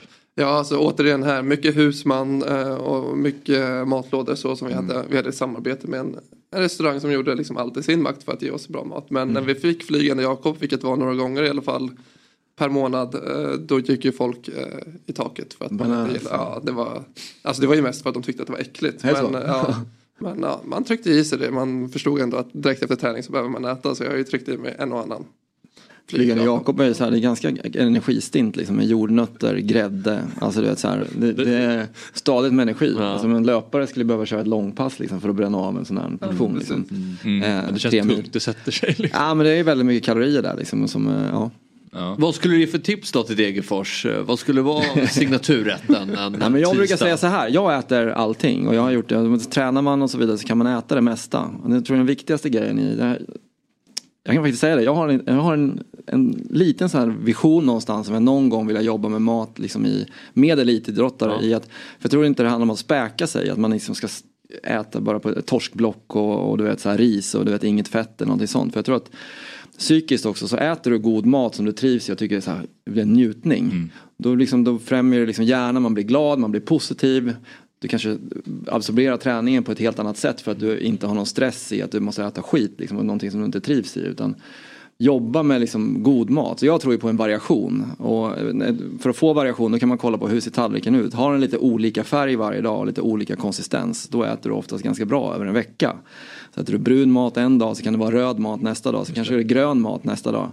Och då, eh, om man börjar kolla på det där hur färgen på tallriken ser ut då får man också en, en spännvidd över vad man ja, får okay. i sig. Mm. Eh, och jag tycker ju liksom ät fullfettsprodukter, håll inte på med så här lågkalorigrejer. Ät mm. riktig mat där du ser det här är morot och så lagar du den. Eller det här är smör. Eller det här är liksom allt sånt som är blandat med andra grejer. Det tror inte jag på. Utan jag tror på riktig, riktiga grejer Alltså jag sopar i mig grädde och smör och allt möjligt sånt. Det, man behöver inte tänka på det. Mm. Eh, men jag vet ju också hur mycket jag tränar. Mm. Just det. Så jag tror ju på den. Sen om man vill toppa formen, om man ska ner något kilo eller någonting annat sånt.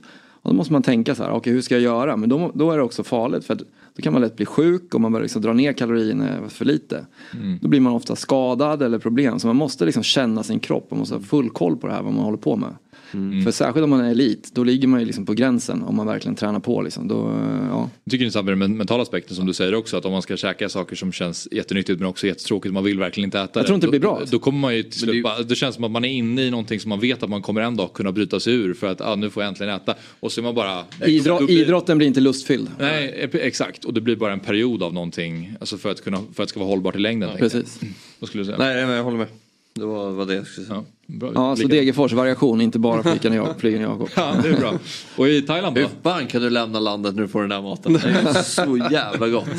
Nej men i Thailand så är det lite speciellt. Vi hade ju tre stycken eh, extra mammor kan man väl kalla dem och de lagade ju mat varje dag. Eh, både frukost och lunch och middag egentligen. Man fick serverat, sen fick man ju välja om man ville äta det eller inte.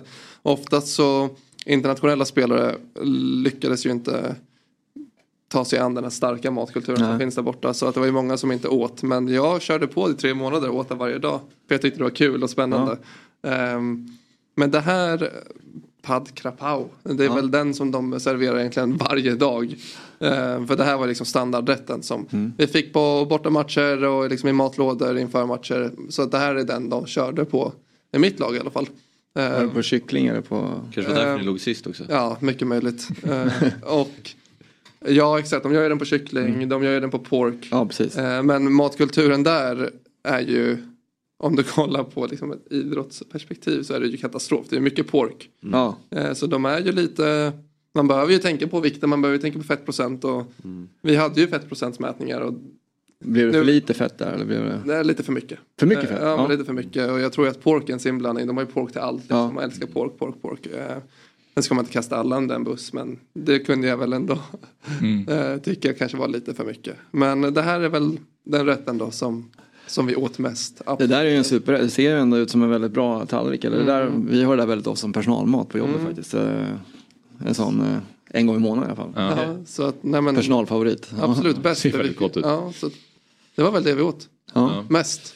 Nej, för att jag läste att på, på Carrington, alltså Manchester Uniteds träningsanläggning så har de ju en enorm buffé. Och Mm. att de har dessa gamla liksom Michelin eh, eh, kocks, eller kockar eh, Mm. på träningsanläggningen. Så att det, det kanske är så att internationellt att man i alla fall tar steg och försöker, eller förstår vikten av det. Men i Sverige uppenbarligen du som har upplevt det, att det kanske inte riktigt är där.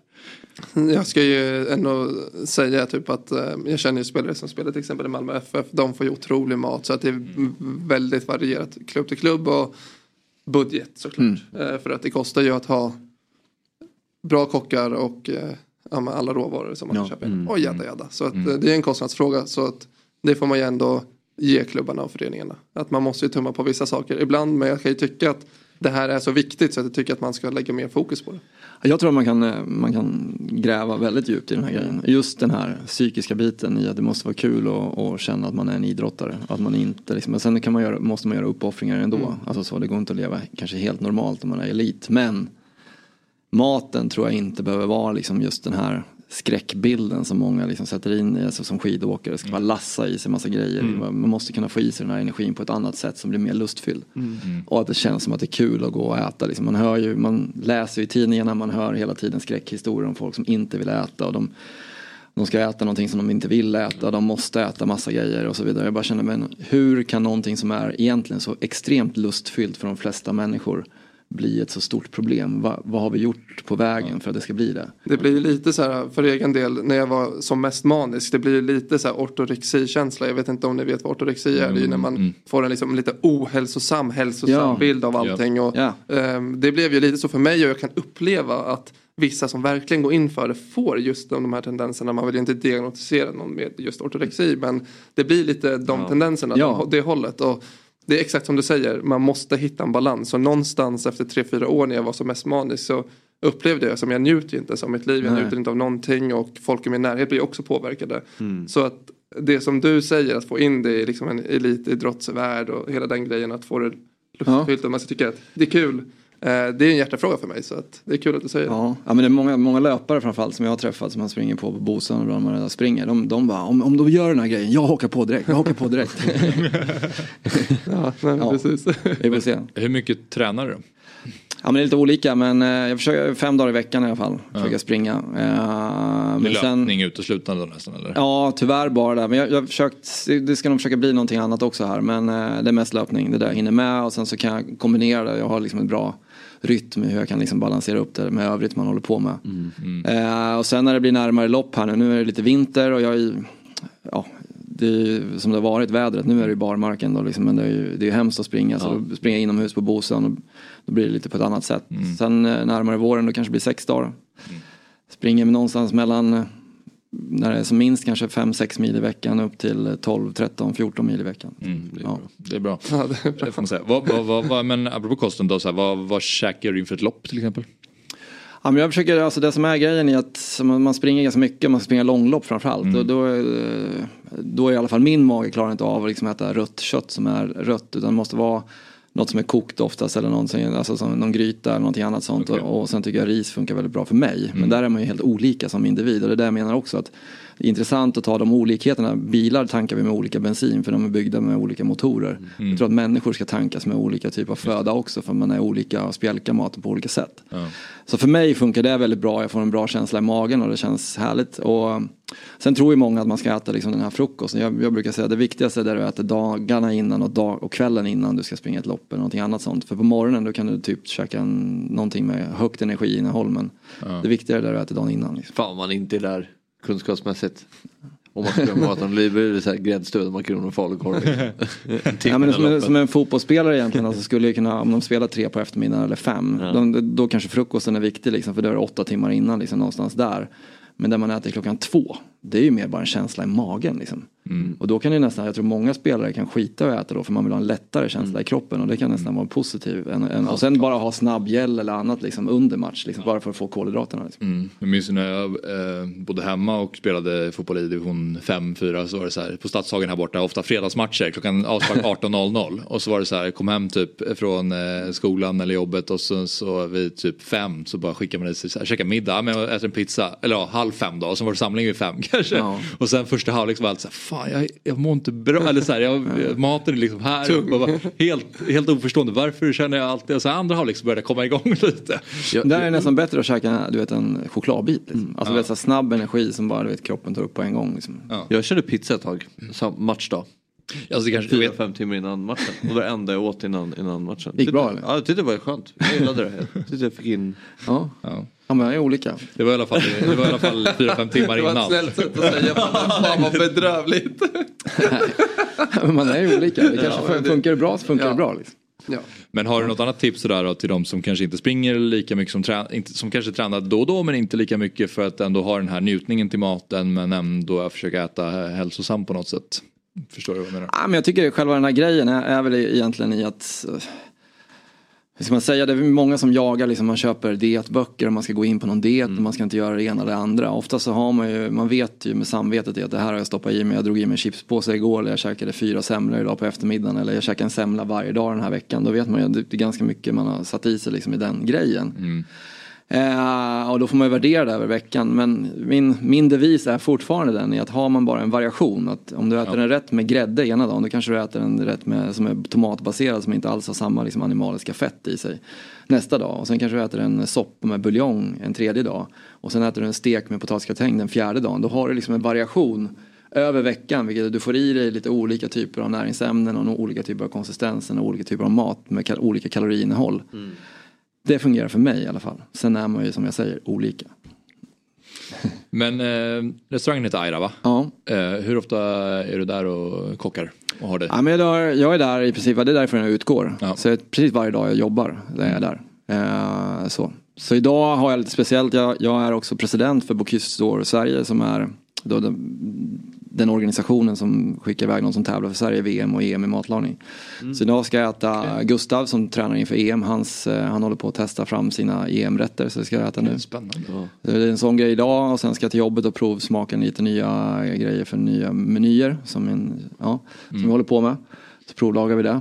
Eh, Så jag jobbar mest egentligen med att det är inte så ofta att jag står och liksom eh, steker biffen när gästerna eller, eller eh, utan då serverar jag oftast och pratar med gästerna. Utan Jag jobbar mer med det som när vi tar fram alla nya grejer och tar fram nya menyer och nya recept. Det är min, min uppgift mer. Hur skulle du beskriva maten på Aira då? Ja, men vi, vi är ju en fine dining restaurang så allting är väldigt förfinat. Eh, och sen behöver man gilla det för att komma, komma dit. Men sen annars så utgår vi egentligen väldigt mycket från rätt fritt skapande. Men vi ut, våra råvaror tar vi från Norden eller, eller Sverige. Helst liksom huvuddelarna, huvudråvarorna. Mm. Eh, och det som är i säsong. Så man ska känna att det är vinter nu. Liksom, att, ja, den typen av grejer. Och sen när det blir vår så känner man att det är vår ganska tydligt. Och så har vi de grejerna som finns i regionen. Men vi använder smaksättare som man kan använda i thailändsk matlagning, nordafrikansk eller i nordisk mat. Så menyn varierar från att du kan äta som vi har en hummerrätt nu med paprika och ras el hanout som är liksom en krydda.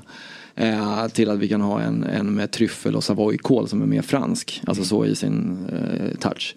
Så där smakmässigt så är det en stor variation. Får jag fråga en sak där? Gällande typ arkitekter gillar inte att kolla på grand design till exempel för de tycker att eh, det är ju bygga hus att man tycker att ja, det är för mycket dramatik och bla bla. Vad tycker du om Chef's Table? För att någon, någon som mig som inte har det, jag tycker att det är extremt kul. Jag har ju sett typ alla avsnitt två gånger minst. Eh, särskilt mm. Thailand, jag tyckte, tycker att det är kul. Vad tycker du? Ja, men Chef's Table-serien som Netflix gjorde där, den, den, eh, jag tycker den var skitbra. Magnus som hade Färviken, han var ju med där. Och det, var en, det var ett fint liksom, person, framförallt de första avsnittet, första två säsongerna tycker jag. Liksom. Sen blev det kanske liksom i, man försökte liksom spinna vidare. Det är väldigt sällan liksom uppföljarna blir bättre liksom, Mm. på något sätt tyvärr. Eh, men de första två rundorna tyckte jag var skitbra. Det blev väldigt fina personporträtt. Jag tror att alla de kockarna som är med där är ganska stolta över den Mm. produktionen. För det känns väldigt gediget och välgjort. Och man får en väldigt fin bild av verksamheten och deras idé. Liksom. Mm. Kul. Ja, min, min, jag har inte besökt Aira men min bror har besökt Aira och han var ju helt så här. Alltså, vad, vad, var det jag ens var på? Han var helt tagen typ av hur bra det var. Så att om ni har eh, råd kanske också och förutsättningar att gå dit så jag, vill, jag är väldigt sugen på att besöka restaurangen. frugan firar ju tio år nu i februari så att det kanske blir där. Ja. Jag håller på att kolla på restauranger vart vi ska fira. Så att Ja. det kanske Välkommen. blir ett besök. Ja. Verkligen. Men eh, just att ni har två, fått två eh, Michelinstjärnor då. Hur, är det, finns det någon tävlingsinstinkt i dig som vill ha ytterligare en? Eller hur viktigt är, är det för dig att få den typen av pris? Ja, hur ska man säga det här? Ja, men från början när vi öppnade restaurangen så var, är ju liksom våra målbild och där vi har byggt restaurangen för de förutsättningar som vi har skapat från början är ju för att gå för tre stjärnor att, att restaurangen i sig själv blir ett resmål. Mm. Att när du bor i New York eller var du än är så planerar du en resa för att du ska komma till oss och sen så besöker du Stockholm. Eh, Det, alltså, det är någonstans dit vi, vi vill ju nå dit liksom med att vi, vi blir ett resmål i sig själv. Och det är ju det vi siktar vårt arbete på, det är det vi jobbar för hela tiden i gruppen och teamet. Och det är därför de som jobbar hos oss och i huset, det är därför de är där också, för att de vill utvecklas i sig själva. Och, och där blir ju min roll då i att dels se om det är en tävlingsinstinkt eller inte, men det, att ha den energin. Och den, den får man ju jobba på hela tiden själv också, liksom, i att ha drivkraften och mål och visionen liksom, och följa den. Och mm det, är ju ett, ehm, det är ju en tävling i sig själv liksom, och det kräver ju ganska mycket, mycket av en. Liksom. Det är samma gäng som är kvar nu som... Nej, det byts ju ut men vi har, vi har en, en hel del kvar. Liksom. Ja, ja, men det gör det ju. Kontinuitet. Ja men så blir det. Många unga liksom går ju och så testar de ett tag, så är de ett år och sen går de vidare till nästa ställe när man är runt 20 och sådär. Så är de ett år på varje ställe och sen så kommer de tillbaka så kanske man tar en chefsposition och då har man några, några restauranger i sin Ja, så fungerar det. Mm. Och sen kanske det har blivit 25 och kommer runt och så vill du ta en chefsposition och så börjar det liksom utvecklas i organisationen och då är det vad vi kan erbjuda och så vidare till dem för att utvecklas som människor och, och yrkespersoner. Eh, som är viktigt. Hur mycket stör det dig att eh, svenskar säger Michelinstjärnor och inte Michelinstjärnor? Nej det stör mig inte alls. För den har jag blivit hyvlad på av eh, min fruga och hon säger så här, alltså, du måste lära dig att det heter Michelin. Och då är så okej, jag ska börja säga det nu. Eller, eller Gidden är väl den, Ja, den, den, den, den, den Ja, jag, har, enklaste. jag har ju också gjort det, men stör det dig? Nej, inte alls. Nej, inte alls. Nej, men det gör det faktiskt inte. Så svaret på frågan, men vi går för det och vi jobbar för den grejen. Och och hur, vi, har liksom ett fin, vi har en fin plattform eh, i form av förutsättningar för att kunna göra den typen av restaurang och det är dit vi vill nå. Mm. Ja, ehm, vi har, vår redaktion har förberett en, en till fråga här angående, för du har ju så många bollar i luften som sagt, Ja. eh, löpningen och eh, fotbollen och eh, din restaurang och även Sveriges Mästerkock då. Och just det här med hur, hur bra deltagarna är, för det känns som att det är så många som är nyfikna Ja. på det. Och, Ja. eh, Ja. hur- eh, liksom, är de tillräckligt bra för att arbeta på en väl ansedd krog då, eller är det längre ner? Eller, vad, vad, var ligger nivån? Ja men det som är grejen i att, eh, som i år, då, då jag gjorde ju första året, förra året i, i juryn och då slogs jag av i att flera av de som var med var ju otroligt duktiga och drivna. Och så även i år också, jag vill inte avslöja för mycket eftersom säsongen precis bara börjat. Liksom. Men, men jag skulle säga flera av de som var förra året där man såg liksom den eh, utvecklingen, den, även de som är i år. Och jag sa även det till kockarna, och det här är, det här är faktiskt, och det här kan nog liksom flera intyga, flera av de som är med i Sveriges Mästerkock är ju också äldre än flera av mina yngre kockar och så vidare och har ett, liksom, kanske ett större gastronomiskt intresse. Det låter kanske konstigt men de har liksom en större och en vidare blick över vad, hur man lagar mat i olika kulturer och olika sätt. Många av mina kockar de har sett våra pincetträtter som man gör och där man lärde sig i skolan. Kanske var fotbollsspelare eller någonting annat och liksom precis börjat sin kockkarriär med mat är inte deras största intresse än. Alltså så rent generellt i att man ska gå på restaurang utan det är ett jobb för dem. Eh, förstår du vad jag menar? Ja, absolut. Eh, Medan de här människorna är passionerade i gastronomi och liksom nördar ner sig i olika kokböcker och kulturer och massa annat sånt. Och har liksom en, en bredare verktygslåda egentligen från början rent kunskapsmässigt. Men kanske inte har liksom handlaget i att man inte har stått och gjort tusen portioner hela tiden så det blir perfekt. Så flera av dem som jag har träffat under de här två åren är ju sådana att med en veckas introduktion så skulle de kunna ta plats i teamet. Okej, Sant. häftigt. Ja. Tycker, tycker. Eller ett par veckors introduktion. Alltså de behöver liksom komma in i det.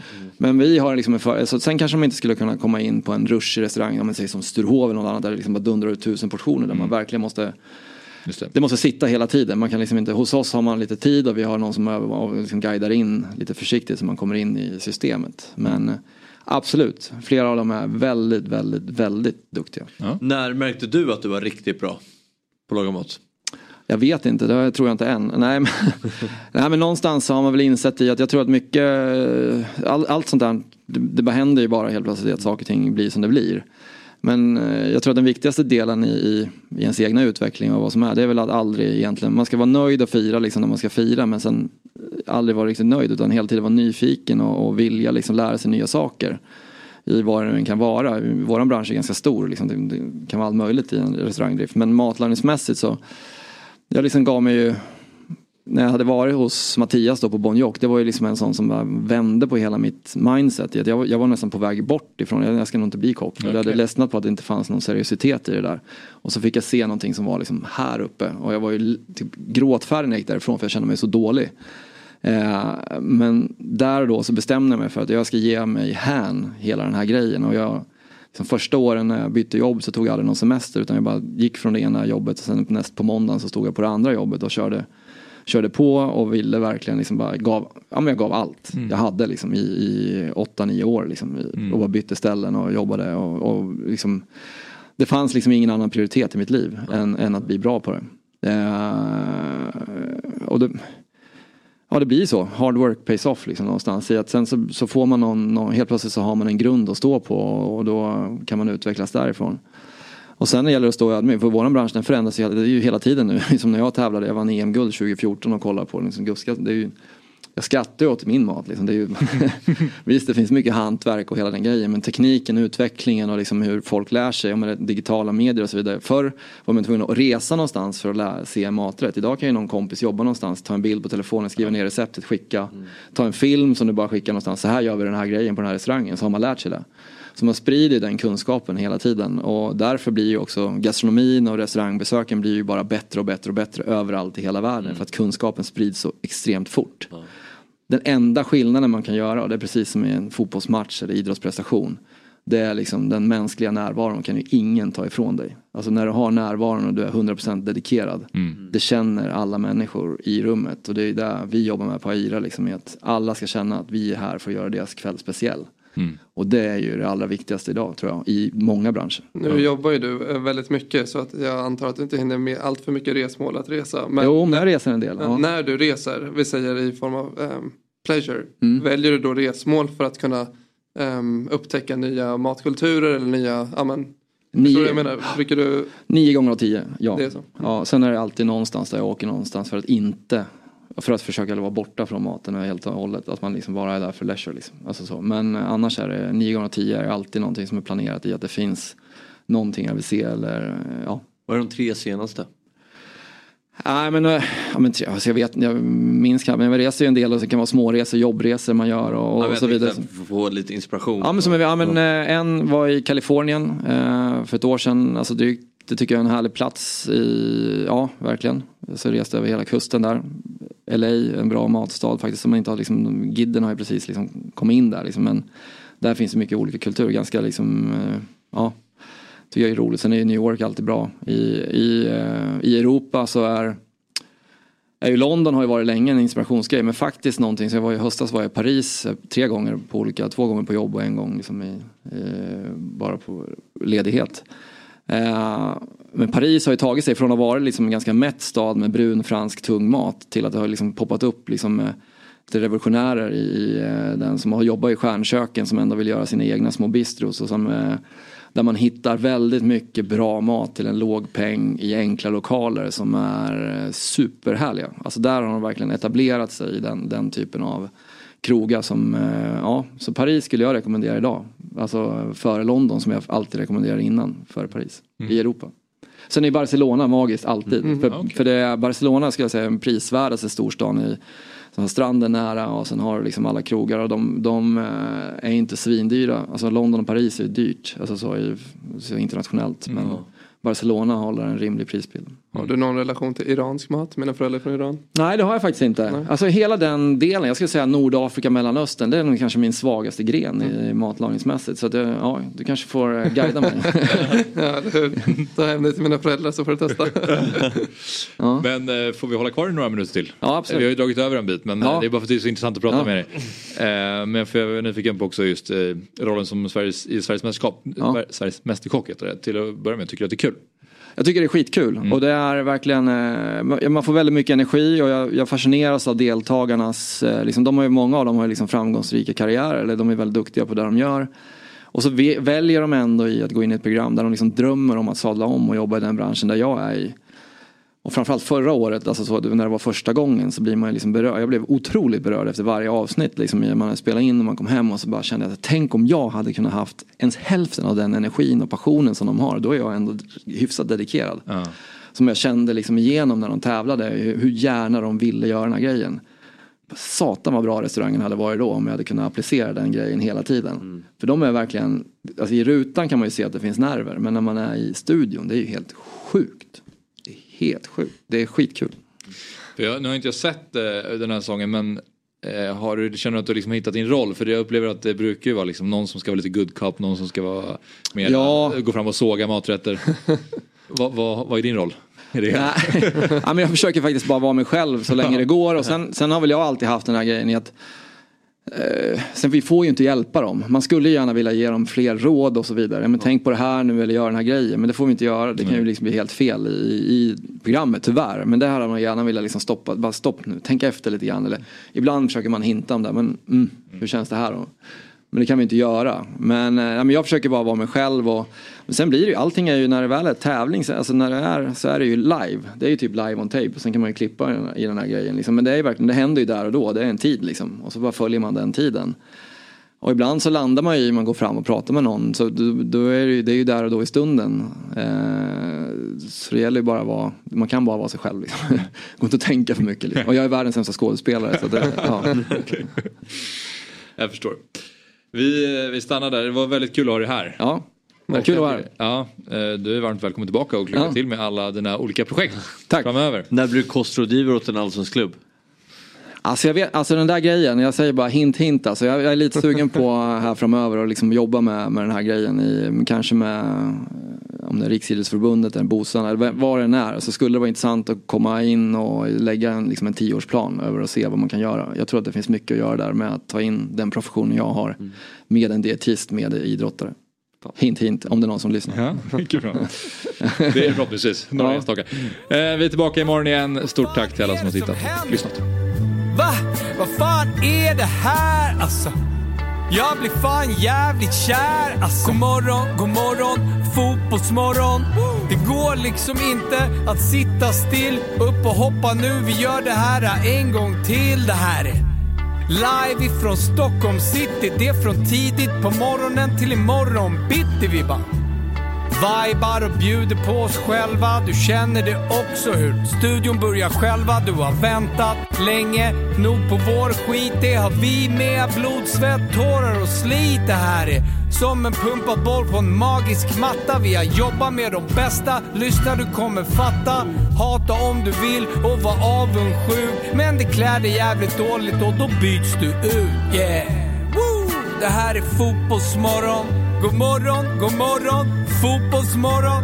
God morgon, god morgon, fotbollsmorgon. Woo! David, David, David. Det här är Fjällsgäng på dopp som drar upp rullgardinen. Yeah. Vi hatar plast men vi älskar gräs.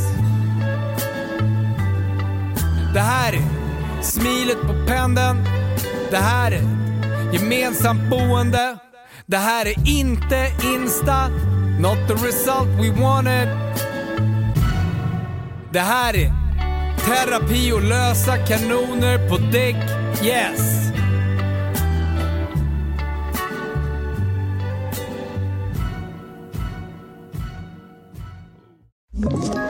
Ett poddtips från Podplay.